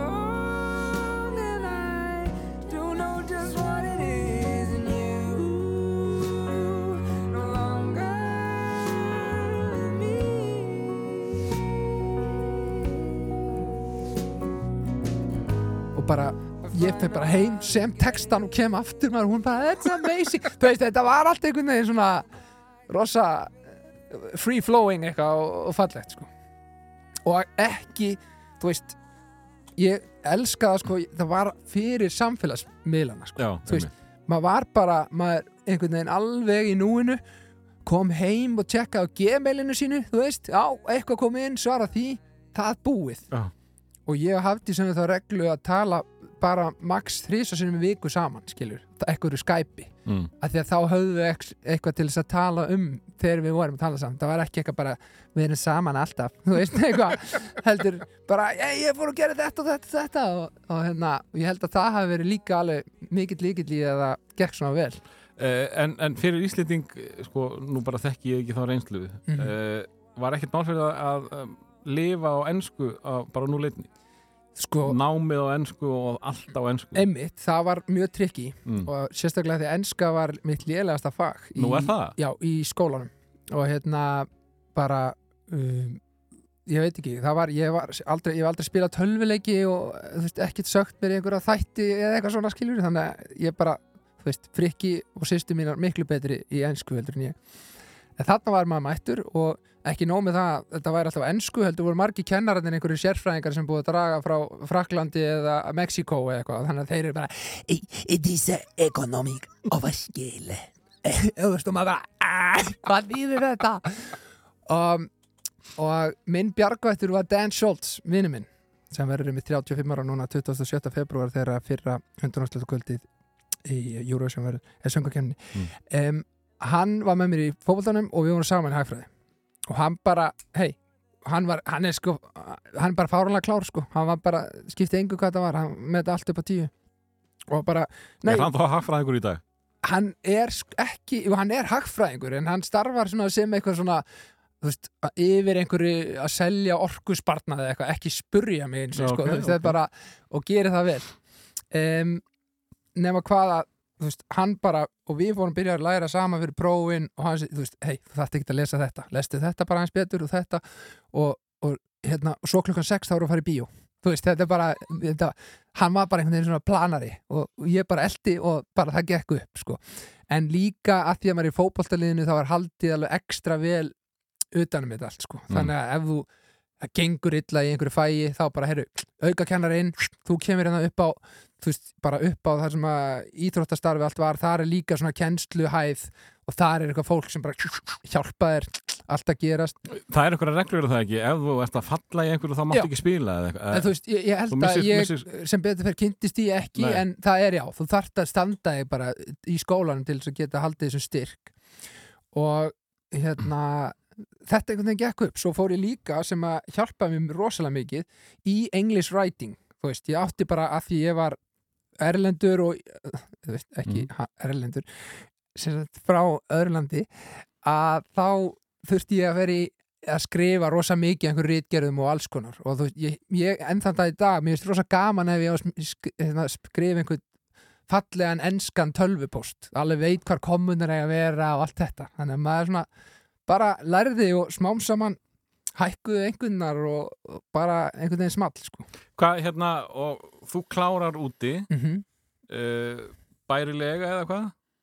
Fína tölur? má segja það var B plus Og uh, var það bara beðið eftir heima með starf á kantinum eða, veist, Nei, það var ekki þannig. Ég, ekki sko, ég er klára 2009 Já, þú sér að hrunið er hann 2008. Tölva mín einmitt gaf sig fjórum dögum eftir hrun og kostaði mig þá eiginlega tvöfalt að fara út í búð og kaupa aðra tölvu. mm. Ég var svona, ah, það hefði mátt gerast fyrir fimm dögum, en ok. Um, þannig að þá í raun og veru kemur bara heim og er svona í smá stund bara að átta mig. Ég fæ starf hjá FH við að svona hérna, selja svona auglýsingar og, og hérna hvað heitir þetta? Við vorum að búa til svona, svona kort það sem að var hlaðin innegn fyrir að, þú veist, og hérna, miðar á leiki og fegst afslætti í einhverjum, það er eitthvað svaka flott sko. Mm. um, en Björn Bræði áður nefndur, vinur minn hann hjálpaði mig líka að því að ég var í þessu F-starfi það var ekkit eitthvað alvöru starf en þú veist, jú, jú, þa- þannig lagað. Ég var alltaf með aðsetur í hérna bladamanna skúrnum hérna, gámnum.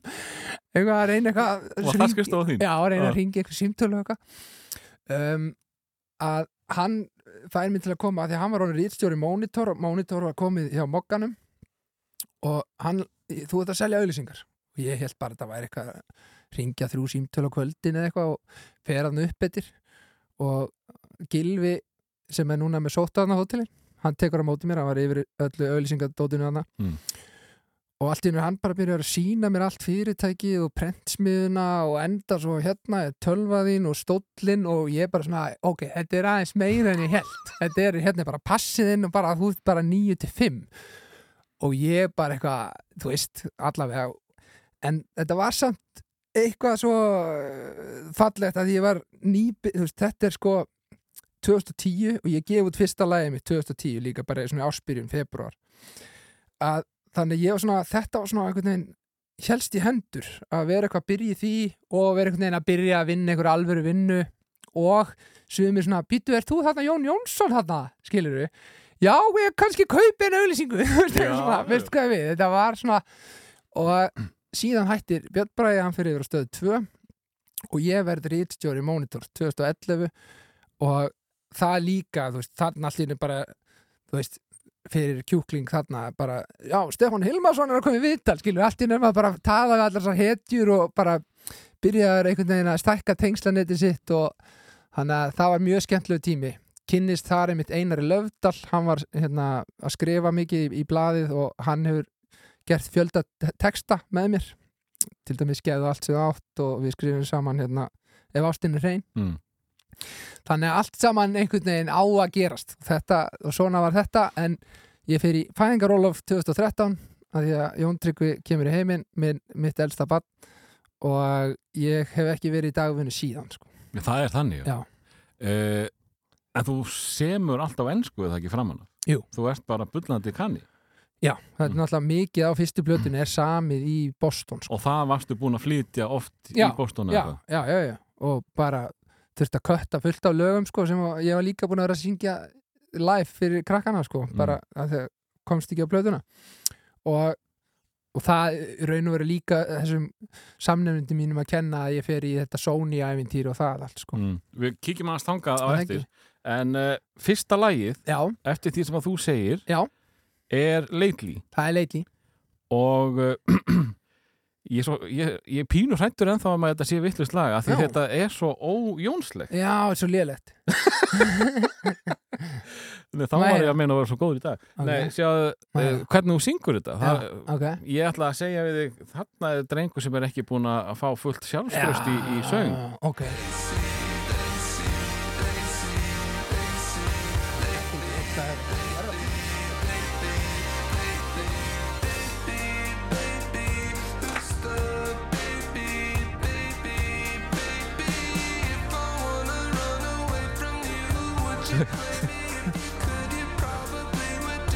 Ég ætla nú bara að halda þessu opni hér því að uh, kæru hlustendur hann uh, Jón er búin að vera svoleiðis og yði og uh, þessi þessi seria er tekin upp á kameru líka. Þannig að ég var að pælja að spyrja hvort hann væri að pissa á sig en ákvað að sleppa því því að hann baði aldrei um, um pásu. En hann er sem sagt rókin í piss sem er bara því besta mál en ég byrja bara að lægin aftur þegar hann kemur. Ok, takk fyrir. Uh, gaman að segja frá því Já. að uh, ég let uh, kolvittlust lag í gang en það fannst mér þetta ansi ólíkt Jóni. Hér er sem sagt lately eins og það á að hljóma. Og uh, þá get ég ekki tjá mig um það að þarna væri uh, söngvari með ekkert sjálfströst því að þetta er Jón. Þetta er Jón. Heyrum aðeins nokkra tóna af fyrstu útgáfunni I've been checking you out, girl, and baby, feel oh so fine, and now softly, I would try to fascinate you, and then slowly, I will make you mine. Got a crush on you, girl. I hope you won't kiss my world. I say you no to my fantasy.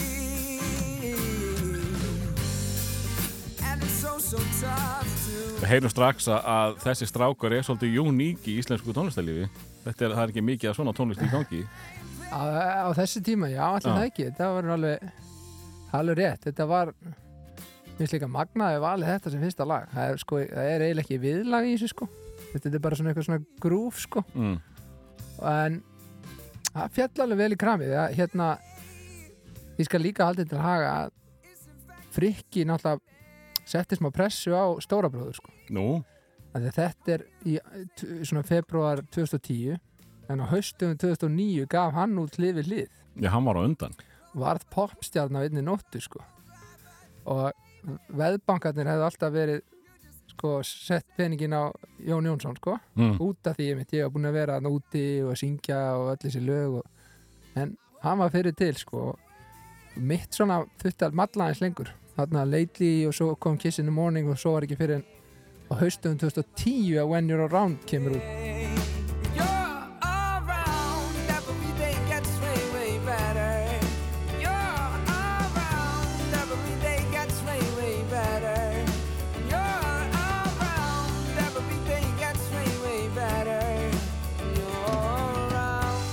way better. You're around. sem var það eitthvað svona alvöru topp hittari sko Gerði þetta lítið? Nei, þetta, þarna, jú, jú, þarna byrjaði mér alveg að fá að spila eitthvað og gera eitthvað, sko, Já, alveg, en þetta var ekki svona eitthvað, nei. hann er mættur. En hvað, hérna, ertu komið með útgáfu strax eða? Um, fyrirtæki, Já, sko, ég man ekki hvernig sena banka á, á dyrnar, sko, en, en að því ég gefið fyrstu plötun á 2011, Wait for Fate, og var búin að gefa út í útvarpi þá fjóra singla áður en hún kemur út, sko. mm. og hérna en svo koma þeir til sögunar og, og hérna ég fæði að gefa út plötu sko. ég er svona næ bara hann í skottið á þeirri menningu sko. þessi plata fór í gull og bara gekk vel og 2014 gaf ég plötu sem að var ofalega á listum en maður bara eintökin fyrir aftan það voru bara engin sko, eða þú veist þannilega, þá Já. var þetta bara svona alveg að dala. Um, Þá voru farin að stela meira. Ætli það ekki, jú, já. Það var ekki komið streymisveitur eða neitt Nei, nefnilega ekki. Það, var, Þetta að var svona maður, og Þú að downloada þessu í háskólanum? Já, ég Herðu, ég nefnilega hætti að downloada þegar ég var í Boston því að þriðji markmaðurinn þurfti einu svona að ávarpa okkur inn í klefa bara Strákar, ég er að hætta í liðinu af því að ég semst er búin að vera downloada og var böstaður og þarf að fara í samfélagsvinnu Já, ok. Já, já, þeir tóku svo stránt að ég bara, oh my god, bara ég hætti þessu ah. En uh, þarna fer sagt uh, Jón Jónsson skrýmslega stað, rólega samt. Já, fer bara í svona róleitunum og hérna Er hljómsveitin til hana? Já, þetta er hljómsveitin sem við vorum alveg lengi, allir við höfum ekki haldið þessari mynd, já, samt bara til svona 2012, þá skiptið um trommara og frá svona 2017 hefur eiginlega ekki verið einhver eiginleg hljómsveit, sko, þó Mm. að kannski Kristján og Binni bassaleikari séu nú ofta á kantinum klárir, sko, Mm. en ég bara spila svo rosalega mikið einn eða með frikka eða eitthvað svona að þú veist, það er bara ef maður er að hlaða í einhverju alveg tónleika þá bara velum maður inn góð fólk með sér sko en strákanir sem voru með mig þarna eiga náttúrulega alveg risa þátt í þessu þó að ég hafi verið að semja þetta allt sjálfur að bara upp á að fá fílingin sko þannig að það var svona já við náðum vel saman sko Vor- Hver, hver var pælingin þegar, að, þegar þú ert komin í gang og, og komin á samning eins og litlu bróður? sko Þú ætlar að, að leggja þetta fyrir þig? Já, pælingin ná, pæ, ég veit ekki með enda, ég, þú veist, ég var rosa mikið líka leynilega bara svona með útlönd í huga sko að því að hérna, ég hafi verið þar. Og svo voru alltaf gamli skólafélagar að kynnti í mér. Herði, hérna, ég, ég byrjaði að vinna hérna hjá konu sem var með þennan og var einu sinni með að vinna með þessum þannig að ég og Kristján fórum sko 2009, 2010, 2011 þá fórum við til New York sko, vildi svo heppilega til að Marja með eldri sýsti mín bjó í New York í 12 ár. Fórum þanga reglulega og vorum að spila á ágæti stöðum og hérna sem endaði með því að bróðir Ellie Reid sá okkur og allt þetta sko Þannig að uh, þetta er sem sagt uh, erlendis vinnaðin sem að kveikir á þér. Þetta er ekki að þú hafi gert góða hluti hér og einhver hafi bent á því hérðan. Nei, það var, það var Já. bara það að hafa verið að stússa þarna úti sko Þá, Og- þá held ég að, sko, þú störglega búin að segja þess að sögum margóft, en ég var alveg til að heyra hana já, með uh, skemmtilegri detailunum, já, af því þetta var, sko, ég, þú kannski fílar hann, en uh, þessi rítgaur er kannski ekki alveg minn tepolli, nei. En uh, það var svo geggjað, maður, maður búin að kynnast þessum gaur eitthvað í sjónvarpinu, já, og hann var svona orðin þinn maður, já. Það fannst með pínu fyndi, sko. Já, þetta var náttúrulega allt fyndið. Segðu okkur aðeins hvernig þetta kom til og, og hvað gerðist þannig? sko, það, hérna Dan Schultz vinnu minn sem að var Í boltanum þér? boltanum og, og, og, og mig upp í, í náminu. Mm. hann fer að vinna með einhverjum gaur sem var að vinna einhverju verkefni með Bryant Reed. Og hann dregur Bryant Reed á einhverja tónleika á Rockwood Music Hall í tveir? Þar sem við erum tveir. Mm. bara að spila eigið efni. Og það er þú á gítar og hann á hljómborðu eitthvað? Já. og við setjumst niður og gerum eitthvað svona samning um að hann ætla að taka þetta eitthvað lengra en allt, alltaf smá spúki sko, þú veist.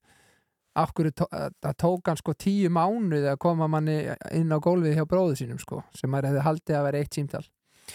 Og allir tölvupósta sem komu og svona eða var eitthvað sem hann var áframsenda frá einhverjum innan til dæmis fyrirtækisins eða eitthvað svona Sony sko hann var sjálfur ekki að vinna þar þessi Bryant sko, hann var bara bróðir LRI sko þá sá maður aldrei hvaðan þeir póstar komu hann var alltaf að passa að hafa mig algjörlega óupplýstan bara í myrkinu, hann að stjórna þessu sko. Og við vorum konu með allskins kenningar sko, þú veist, hérna með þess að eftir ég skrifaði undir 2012, að þá fórum við 2013, fórum við allt bandið út. Bara svona svo að fleiri hjá fyrirtækinu getur séð okkur og svona byrja að pæla eitthvað eins í þessu. Og þá segir að hann sé með einhvern aðstofamann sem þurfa að fá eitt, an, eða sérst, annað herbergjan okkar á hótelinu sem Sony var að hérna, borga.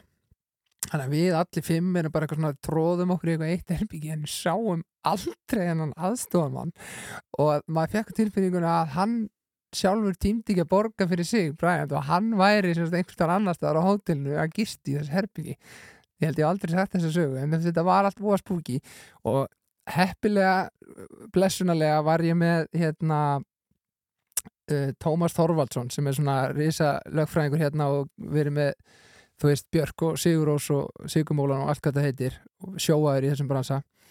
Að dóttir hans var með mér í Bekki Vestló þannig að það var að hæg heimatökin.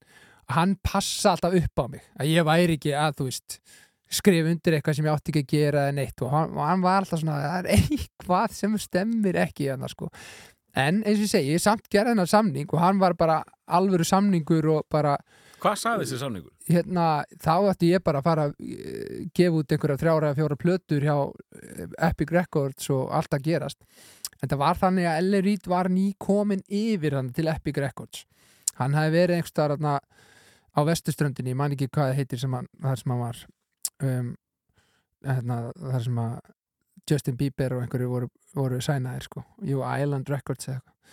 Um, þannig að hann var bara að fá gommu af liði á samning sko.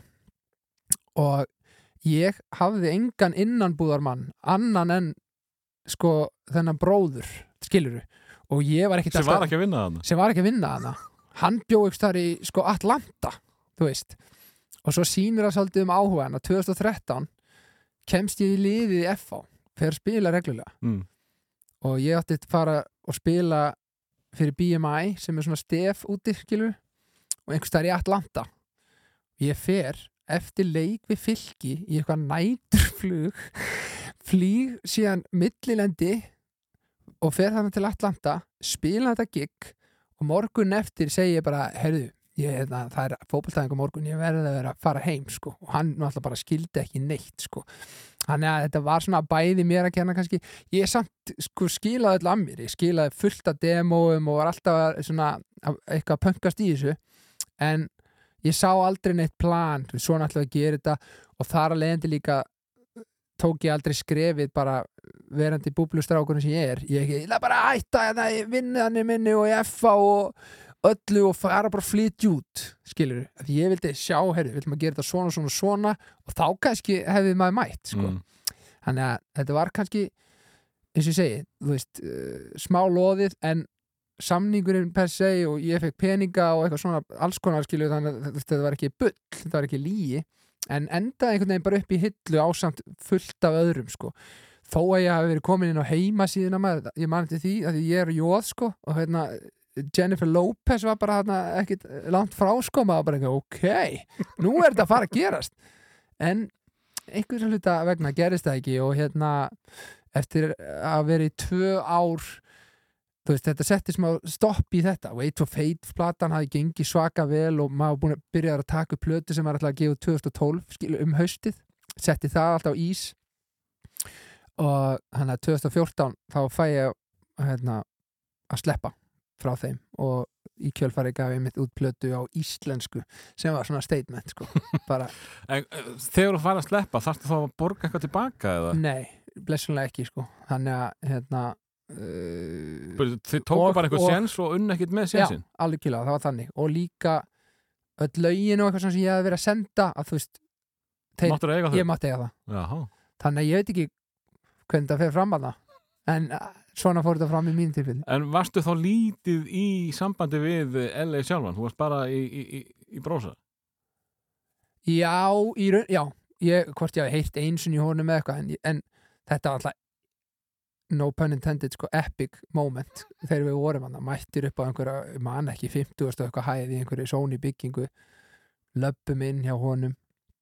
Kristján með mér, sko. Piano, svona upright vegg piano hérna í hotninu og ég er eitthvað svona komið fyrir og hann eitthvað, hey, play me something by the Beatles. Eitthvað hérna, spilaði eitthvað bítlalag segir hann Kristján, Kristján og það, shit, hvað kann ég með Beatles? Þú veist, og hérna uh, spilaði held ég it be eitthvað, that's good man. Og þú veist, þannig inni sátu bara eitthvað svona random lið sem hann var líka greinlega búin að fá til að koma og hlusta sko. Mm. hún búin að undirbúa fimm lög spila, ég spila bara tvö. Og stoppar hann okkur. Sendir inn í annað herbyggi hann og bróður hans tala eitthvað saman maður. Maður er bara annarkvort var þetta bara algjört failure eða eitthvað success. Svo kemur hann hann og segir þessi flegu orð. Look man. I want to I want to carry you on my shoulders for the world to see. Look man I want to sign you. Þú veist hérna. Já. maður bara, er þetta ekki að grína sko? Og enga mynda þessu að ég vildi vera svo pró sko. Taka, ég vildi ekki einhverja selfie eða eitthvað sko en hérna en þetta gekk ekki betur en svo að hann hafi verið eitthvað að aukslánum á hann eða eitthvað en hérna I look at the people and I look at the artist and the contestant and I say, this guy has what it takes to be a huge star, in my opinion, and I'm going to back him. Uh, so I never know exactly how to fill the void. I just know it when I see the people. Hvernig er tilfinningin að því þú, vant, þú vilt þetta, já, þú ert að vona já, og þetta er eiginlega komið í hús. Þú, veist, já. þú ert komið samning og, og hvað, tvæð þrjá plötur og, og bleð og þú komin á, á axlinnar á okkar manni. Já, já. Sko, í raun og varst veru ekki bara winning? Já, jú, vá. Ég man hérna ég fór í einhverja búð og kefti mér svolítið dýran jakka. Ég man það. Að ég hef alltaf verið mjög sparsamur. Var búin að vera með þess að fyrirlistra fyrir krakkana í Arjón og eitthvað svona. Lefði mig það. En síðan virka bara einhvern veginn lífið þannig að eh, vil ég meina sko að það er eitthvað svona smá sem er alltaf að stýra manni. Það var eitthvað svona sem held aftur að mér sko einhverjum bara örfáum vikum eftir ég skrifa undir þá var Hafdís Ólétt á Jóni Tryggva þú veist, það var annar draumur sem ég langaði alltaf vera góðu pappi F á dettur inn, allt í unni ég farin ég er búin að sitja á bekknum bara, veit ekki hvað lengi maður, allt í unni ég farin að spila þú veist, þannig að það voru svona nokkri punktar sem bara svona urðu til þess að ég tók skrefið ekki til fulls og í raun og veru þá upplifið bara þennan an- hinn draum að fá bara vera hérna með mí, mínum tröstu aðdáðandum sem að hérna, fá mann í litlu veislunar sínar eða mæta á stóru tónleikana eða hvað þetta heitir allt saman. Og, og fæ bara starfa sem tónlistamæður og, og vera eitthvað að fýblast í liðinu skilur mæti einhver, einhverja e, hérna, baksturstætti í sjónvarpinu og er ekki svona kjaftaði sko. Þannig að ég, og um leið fullt af tíma til að hérna, hugsa um krakkana og fjölskylduna og gera eitthvað skemmtilegt með þeim sko. mm. ég, ég veit ekkert hvernig ég hefði þú veist, einhvers það er einn út í heimi sko. heldur þetta hafi gengið eitthvað betur hefur þú farið all in og, og, og verið þarna úti ég svo veit maður ekkert um það Nei. ég bara ekkert endilega að þetta sé algjör hákalla Já, varst, ekki að tala um að hann hefði tekið inn alveg 10-20 manns? Þannig að það er ekkert víst Nei. þetta er svona þetta er svona fallið saga þú veist að maður getur, getur líka alveg sagt hann þannig að bara svona ah, ég er svona bara smá hætti við þetta og fekk að, hæ- þú veist, hérna og, og svona láta þá sem er að hlusta bara ok, þeir með tólka þetta hvernig þetta hefði farið. Smá eins og friki dór með síðasta skipti. Þú veist Mm. bara, hann fór ekki út en í huganum á þjóðinni bara, okkur vann hann ekki? Hann hefði undir Eurovision. Bara. Þannig að já, þetta var, þetta var samt gott æfintýri, mjög skemmtilegt. En uh, þú hérna minnist aðeins úr boltan Já. og þannig að þú fann að spila reglulega Já. með þessu gífilega sterka liði. mm Uh, þú er alltaf verið með rosalega jákvætt og, og svona fallett viðmót. -hmm. Uh, en stundum sá maður aðra típu í þessum boltatring. Já, þarna held ég að ég hef alltaf tíð fengið útrásuna fyrir því að vera aðeins að blóta og, og rífast að tauta sko. Mm. bara, en þá bara ef maður í, á mánudagskvöldum í bolta sko, hugsið það stundum, þú veist, svo kom einhverjir gaurar sem að þekkir ekki neitt og eru kannski að koma í næsta tím og eftir manni ég er búin að tapa þarna að vera sparkandi í einhverja vegg eða eitthvað, þú veist bara, hvað djöful er að gera? Eitthvað svona, þeir eru örugglega bara býttu, býttu, nei, þetta er örugglega einhver sem bara líkist þú veist bara en er bara alveg þetta er magnað sko en, en já, ég bara, maður er fyrir einhvern veginn bara all in í þetta og ég held að það sé svolítið partur af ástriðinni að svona setja hjarta alveg í leikinn sko Mm. og, og hérna svo er einhver réttandi skemmt líka í manni og manni finnst bara, nei, þú ert að grína nei, þú getur ekki dæmt á þetta maður. Skilur og bara, bara næri ekki bara einhvern veginn tökunum á sér sko. Þannig að fótboltinn maður, hann hefur gefið en hann hefur líka tekið. Segir uh, Lennon. Já, nákvæmlega. Hvernig það spilast inn í sónisöguna sko. af því að það er í raun og veru af því að í ég fót ég, sko, fótbraut hérna Lennon á mánudegi.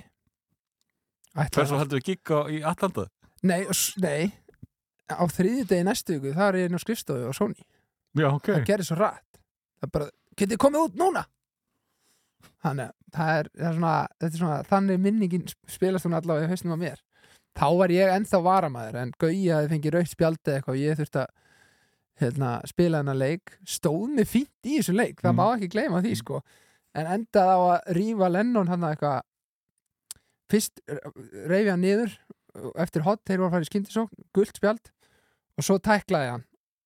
Og þá fikk ég líka gult spjald þannig ég fekk ekki beint, það var ekki ljóð tækling þannig, það var óheppilegt. Mm.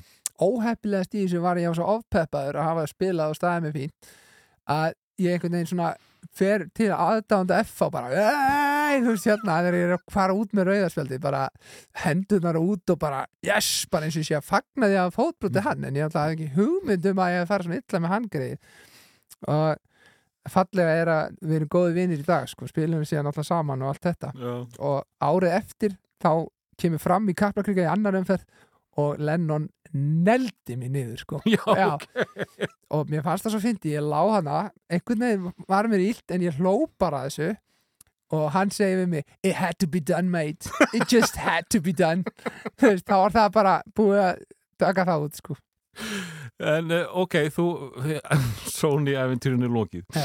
og uh, þú kemur heim, gefur út íslenska plötu Já. á íslensku Já. og uh, þar er, getur við ekki sagt að bolti fara að rúla fyrir alvöru hérna heima og þú svona ferði í mestarætildina Er það ekki strax? Já, svona veit ekki, mér fannst allt ganga svo vel hann að fyrstu árin og þú veist ég man ég var í æfingarferð með FH í Portugal og fekk símtalið um að fá að vera í jólabó, þú veist, 2011 ég bara, wow, þú veist, risa stórt, skilur um, 2012 syngið ég duett með Raka Bjarna, Mm. þú veist uh, allt þetta. Um, ég upplýði þetta frekar af því að 2014 tap, töpu við F á móti stjörnunni í svona úrslitaleik sem er oftir rifjað upp og, já skemmtilega leikur bla bla, jólakaka sko. Maður sér það eftir á bara þetta fór miklu meir inn í hausina á manni en maður átti að sjá þannig ég vil meina ég hafi ég var ekki, ég var bara aðeins undir í orku í smá stund og þessi plata kemur út geði allt sem áttjú hérna færa óma mikið. Ljúft að vera til, hafi komið út þetta sama sömar en svo var eitthvað í mér að þú veist 2015 eitthvað, ég var eitthvað lítill í mér held ég, svona bara hei, okkur er ekki að spila fleiri lög á þessar plötu og eitthvað þannig sko, ég þurfti einhvern veginn að trekja mig í gang manni, svona örglega svona 2016 en, en svo virkar þetta bara þannig að maður verður líka bara sjóari og örugari í sinni framkomu og hérna sko, síðan 2017 þegar ég kemur þegar ég sá þið fyrst sko, þá er ég bara mættur í öll heimsins brúðkaup sko bara kirkjuna og um kvöldið bara og alltaf frétta. Og maður næri einhvern veginn bara tökum á því að vera bara one man show sko. mm. Já, þú ert náttúrulega búin að bæta við sko, þú, ert, þú ert ekki bara tónlist. Nei, þú ert með uh, úbístand jafnvel. Já veist það er ekkert, Og- og pla pepp og- ekkert planað en einhvern veginn reynir maður að gera alltaf 100% þegar maður mætir og gefa orku þannig að orkulefili sé komið herra he- að þegar þú ferð heldur Mm. en þegar þú komst. Ég nefnilega, sko, uh, við vorum alltaf með uh, stóra og mikla þætti í kringum Airways mm -hmm. og uh, Matti hittið eitt í hann á, röltinu Já, og uh, við vorum bara eitthvað að ræða málin. Hann, þú veist, ég var upp í stúdíói Matti á, á, á í Austurstræti held ég. Já, ég man eftir þessu og það er kallt, veit ég því að Já. þú varst pínur hrættur um að, að gítarinn myndi ekki þóla þetta. Já, slít, slítna strengur jafnvel eða, en uh, talandum að uh, vera tilbúin já, þarna, sem sagt, ég er nú ekki með hvernig hann tala við þig, en Nei. hann er bara að blessa þér eitthvað svona, ertu ekki til að taka lagið? Ekkert mál. Já. Vonandi að gítar liði það líka sko. þarna er sem sagt bara einn svona uh, mikrofón Heard you were Á Austurstræti. for eða í not the austurstu kind of man you wanna rearrange and disengage. If that's true, where I am, say, All right in a solo. og stýtta Já, búin að stýtta þetta ég ætla að láta fylgja sko, því að það er klappa fyrir að það hópast fólk í kringu þig sko. Ah, þannig var það, það er rétt.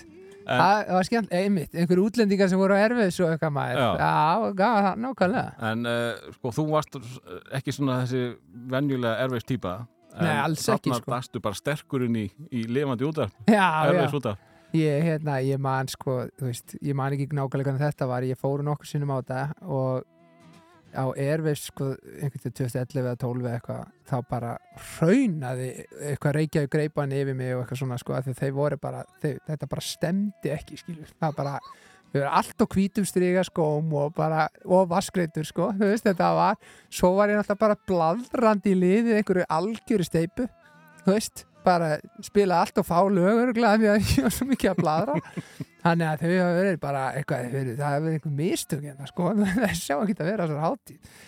En já, ég er samt gaman að þér, sérstaklega off-venjúnum og svona, hérna þú veist, svo koma einhverjir útlendingar og, hey, this was good man. Það er alltaf eitthvað, að fá einhvern sem þekkir ekki þína baksögu, er bara taka eitthvað á lofti. Mm. Ma- já, mér þykir alltaf svolítið stemning í því, sko. En vissulega ekki erfist típa en, en hérna, var þetta Þetta er Jón Ragnar Jónsson, vil ég klappa fyrir manninum í beinni útsettingu út á götu í miðbæ Reykjavíkur. þarna hefur það Þetta er Ágúst Bóðarsson nei, þetta var Matti. Aha, Já, vá, hvað það var eins og þetta væri hann var að, hann var að uh, vanda sig. Við erum með Já, uh, en að því þú talar um þú talar svo mikið í hérna uh, á Erfis já, já. Varstu með þetta þetta prógram þegar þú varst að spila úti? Veist, varstu að tala svona mikið þar? Já, ég gæti alveg bladra, sko. Mm. alveg eintóma steipi, sko. Því ég kom bara úr svo miklum lokal, sko. Já. ég var bara með fólkin sem ég þekkti og þau voru alltaf mætt stuðnislestinni maður. Hlæjanda, eh, þú veist einhverju sem var ekkert fyndið, sko. Þannig að, já, úr því var þetta bara að vera eh, einhvern veginn bara að halda eh, góðri stemningu fýblast aðeins í liðinu, sko en svo ertu komin í þá stöðu að þú ert farin að syngja uh, þjóðtíðalagið það Mhm. er þýð, þýðir nú að þú sést í, í frekar fínum málum Eia, meia og beia, lóð mér að segja og hver lukta þér að vera til. Já, það er, gerir, það er rosalega stórt og ég sjálfur hafi farið rosalega ofta á þjóðatíð sem gestur og þannig að mér er þetta bara mikill heiður að fá að gera það. Ég gerði það fyrst 2014 og svo erum við bræðir saman 2018. Þú finnur mig þar, alveg sama hvar, finnur mig þar. Þú finnur Það er einhverju töfrar við það sko, þegar þú ert að frumflytja það á första sköldi og, og hérna, allir að syngja með og eitthvað, það er alltaf algjörlega stórkostlegt og ég er búinn að spila svo ofta þjóðatíð sko og fæ ekki nóði um, og einhvern veginn allt þetta spilir í og vera bara alltaf maður sjálfur þú veist e- einlægur en, en samt að gefa af sér bara berður einhvern veginn bara til þess að, hérna maður hefur þó náð þessu langlífi í þessu skilu, það er komin einhver 12 ára eða eitthvað sem ég er búin að vera úr í þessu. Mm. og hérna, ég held að fólki þykir bara vænt um það, ég sé ekkit að þykjast vera eitthvað annað en ég er og hérna svo eftir sem maður eldist þá er maður meira meir, skilur við bara orðin pappi og allt þetta og ég er óhrættari við að gera væmna texta eða þú veist, inn að gæsalappa væmna því að þú veist, þetta er kannski eitthvað sem maður er að upplifa og maður er þorir að berskjalda sig. Mm. og maður finnur bara að það líka nær inn hjá fólki sko, þú veist. Þannig að einhvern veginn verður þetta allt saman blanda. Þó maður syngi eina falska nótu hér og þar að þá svona einhvern veginn þessu er bara einhvern veginn Jón Jónsson og, og fólk er tilbúið að, fá hann til þess að vera í sínum stóru stundum einhvern veginn, það er algjörlega ómetanlegt sko. Eh, sko, einhverjum tímapunkt eh, sko, hérna, þitt sound er mjög sérstækt eins og ég kom bara inn á í fyrsta læginu þarna, mm -hmm. maður ma heyrir þetta ekki oft á Íslandi. Úst, mikið gítalikk og svona kassagítalikk og, og, og samt svona samt einhvers konar sál og samt eh, einhver, einhvers konar stuð líka. Já, en síðan fórst að, að dansa pínu disco og það syngja með September og eitthvað og smá disco í lögin þín líka. Já hvað, Ég veit það ekki, þetta er bara eitthvað sem gerist. Sko, þetta septemberdót, það var alltaf bara því að Daví frændi, hann dansaði svo mikið við demóið í einhver æfingarferð og ég hugsaði, já ok, ég verð að gera þetta. Og fannst þeir líka bara flottir og alltaf að búa eitthvað til og gera þessi strákar og hérna úrvarð bara eitthvað sem er alls ekkert Jón Jónsson en samt röddin mín að það ofan á. Mm, svo áttar maður sér líka bara á því að ef þú gerir bara eitthvað sem að þú fílar að þá er það þitt sko. Það, ég þarf ekki alltaf að vera að elta eitthvað sem ég gerði í byrjun eða eitthvað svo leiðis aftur á móti tók ég strax það ákvörðun að spila eiginlega bara mín lög og yfirleitt spila bara allt live á gítarinn ég hef aldrei verið með mikið að playbackum eða eitthvað svo leiðis þar alveg er ég ekki eins og frikki bróður ég er ekki eitthvað mikið á einhverju mentaskólaböllum eða þú veist að halda upp í þannig kyrslu er þetta að dansa við? þú veist veit það ekki, veit ekki hvað sé þú veist, en þú skilur típuna, þú veist, það kemur kannski ekki að power einhver bassi og tromma sko. En, en getur þú þá tekið, komið sælar? komið aðla ég get nú alveg ég get spilað það og verið með svona eitthvað backbeat á gítarinn sko, en, en einmitt ekki þannig að að það væri eitthvað skriljón manns að hoppa í takt við það sko, mm. ekki, en þú veist þetta er bara eitthvað leið sem maður ákveður að fara og, hérna ég er ekkit endilega að segja, ég muni ekki einhver tíma breyta því, en, en mér líður svo vel í þessu og mér finnst þetta svo skemmtilegt að geta um leið gefið að mér, skiluru ekki gegnum lögin, sko, þú veist gert hvortvekja og á meðan að fólk er tilbúið að, að fá það atriði þá einhvern veginn er svo erfitt að fara ætla sér að gera þetta einhvern veginn öðruvísi, sko. Uh, þú ert búin að starfa við þetta, hvað segir 12 ár. Já, Uh, hvenær kemur Máni inn í, inn í þitt líf? Því hann er ekki, uh, sko, þegar þú horfur á Mána, já, þá er ekki fyrsta hugsun, þetta er ekta svona frikadóri Jón Jónsson. guð." nei, nefnilega sko Máni og Frikki eru búin að vera svo lengi saman sko. það var þannig að Hann byrjar með uh, frikka, já. Já, Já. það er bara síðan 2010, 11 eitthvað svoleiði sko. Mm. og það kemur til bara út af því að bara vinur frikka var umbann sko, og einhvern veginn förum við inn í sko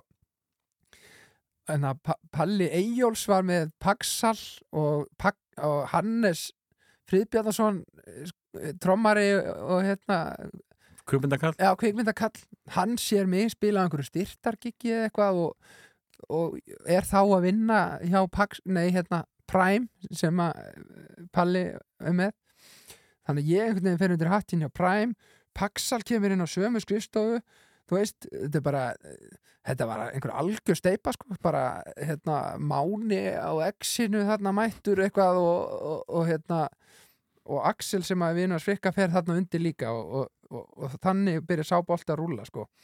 en hérna hvað var þar mig og Mána að þá náttúrulega var ég búin að þekkja hann lengi í gegnum frikka en ég var svona einhvern veginn í lausu lofti þarna 2018 og frikki gifti sig út á Ítalíu og ég veit að mamma var eitthvað svona Máni, okkur tekur ekki Jón líka þú vorum búin að gefa út þjóðatíðalagi þetta sama sumar og vorum fært að gera óvenju mikið saman. Þannig að það var allt orðið einhver svona farið einhverja ringi í stæðan fyrir að Máni sæði bara um þetta sko. Þannig að þannig eh, kom það til og, það mikið heilla skref sko fyrir mig að því að hann er með þetta hann fer sína eigin leiðir í þessu en er með þetta allt upp á tíu og hann svoleiðis passar okkur bara eins og strákana sína sko bara að hérna, það sé allt eins og á að vera og, og það sé engin yfirgangur eða neitt hvað þetta heitir sko. Þannig að það er búið að vera mjög farsælt og, og hérna ég tala nú ekki um, þú veist, ég og Frikki farnir að vera alltaf fyrir jólin saman og eitthvað svona með, tón, með tónleikaröð Jólasveitin kemur í kvöld. Hann er að koma! Jólasveitin kemur í kvöld. Jólasveitin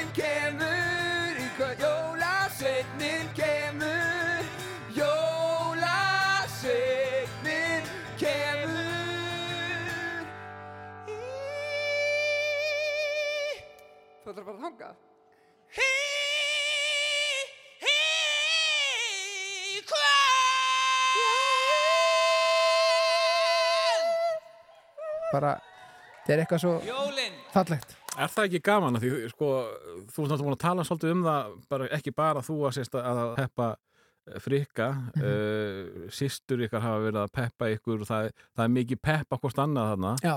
Er ekki gaman að koma duglega fram með litla litla stráknum? það er náttúrulega algjörlega frábært og hann náttúrulega með alla sína hittara en það er náttúrulega algjörlega stórkostlegt sko. Að hérna að verða vitnaði oft þegar hann byrjar á einhverju lægi og, og þú veist, fólk kann öll orðin sko.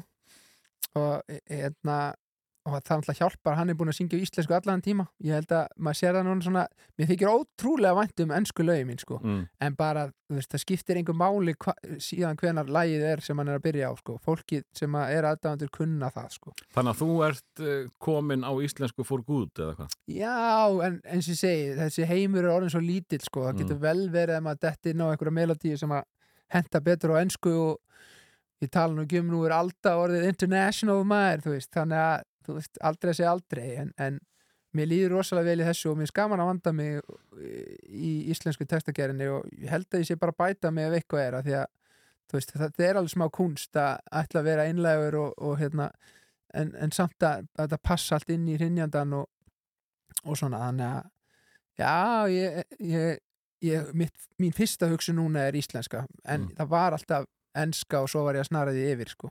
Uh, nýbúin að gefa út uh, plötu já, og uh, COVID að kveðja okkur uh, á einhvern hátt. Eða ekki? Uh, er þá ekki er ekki bara alltaf vera fullt hjá þér og þínum? Jú, blessunulega, ég hérna Hva, þú hvernig hefur dreigið fram lífið í, í þessi tvö ár? ég hérna maður er heppin að vera þó komið þetta ofalega í goggunaröðinni að þau gig sem hafa verið höfum við verið að fá Mm. um, og þú veist, maður er bara að syngja fyrir tölvustundum inn, inn í stofu eða í bílskúr bara heima, já, ég Já. um, en svo er ég náttúrulega uh, því skal haldið til haga velgiftur Mm. og hagfræðingur Hafdís er, er tannlæknir Já, já. sá besti á Íslandi uh, þannig að uh, en til dæmis Frikki hann, Lísa hans er búin að vera í skóla allt COVID sko, þannig að þú veist, klapp fyrir honum sko, þú veist, það er bara þrjá stelpur komnar og það er bara borga þakk yfir höfuðið og allt hvað þetta heitir.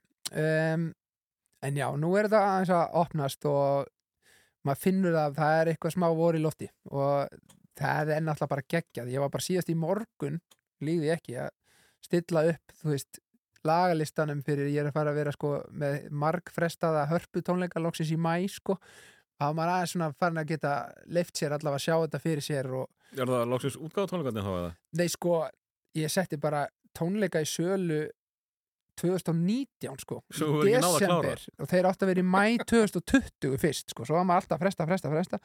En þeir að vera í mæ núna 2022 tveimur og halvu ári eftir að miðarsalan hófst sko þannig að þetta er einhvers konar e, Íslandsmet held ég þannig að þú veist, þá gæt maður svona að fara að sjá fyrir sér allavega, já þetta, ó, þarna mun fólki syngja með maður og þú veist, enga grímur, þú veist, þetta bara að sjá fólkið þannig að ég, þú veist, maður er auðvitað búin að fagna nokkru sigurum í þessu og fá það í bakið en þetta hlýtur að vera að koma núna, Mm.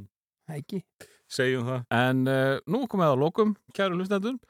Hvaða lag vil Jón Jónsson heyra sem að uh, er hans lag og uh, já, ég vil ekki á sérst eitthvað að væli því að þú vilur ekki milli barnana þinn og bla. Nei, akkurat Já, mitt lag um, Mér langar núna bara uh, og einmitt, þetta er ekki ég að velja þetta er bara eitthvað sem poppar upp núna Mm -hmm. Mér langar að spila lag sem að er titillag plötunar sem kom út í haust Lengi lifum við og þó að það sé vissulega óður til hafdísar og ástarinnar og svona þá er þetta samt líka bara svona óður til alls þess frábæra fólk sem er að úti og tilbúið samgleðismanni Megum við taka hans?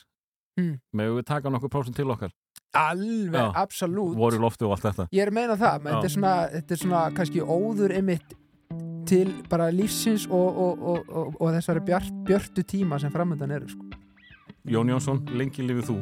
Sömulegis, takk einlega fyrir mig. Fundum það fljótleg eftir að við fórum að stinga saman nefjum. Það var líkt og að við hefðum verið saman allan tíð. Einasta mínúta Við vildum nýta hana því við fundum það að Bara það að vera saman. Það var okkar paradís. Nú finnst mér tækifæri til Að fagna því að eiga þig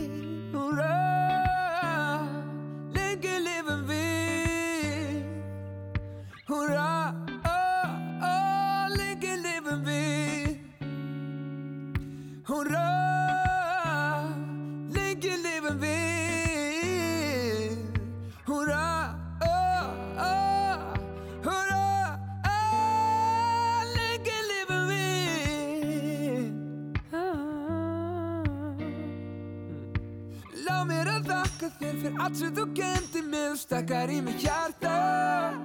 Og ég mun óska mér þess alltaf að við verðum saman allan tíð. Með krakkaskaranum við höfum farið um allar heimsins trissur Og við vitum það með vissu að það er okkar paradís. Ah. Nú finnst mér tækifæri til. Að fagna því að eiga þig Húrra, lengi lifum við Húrra, ó,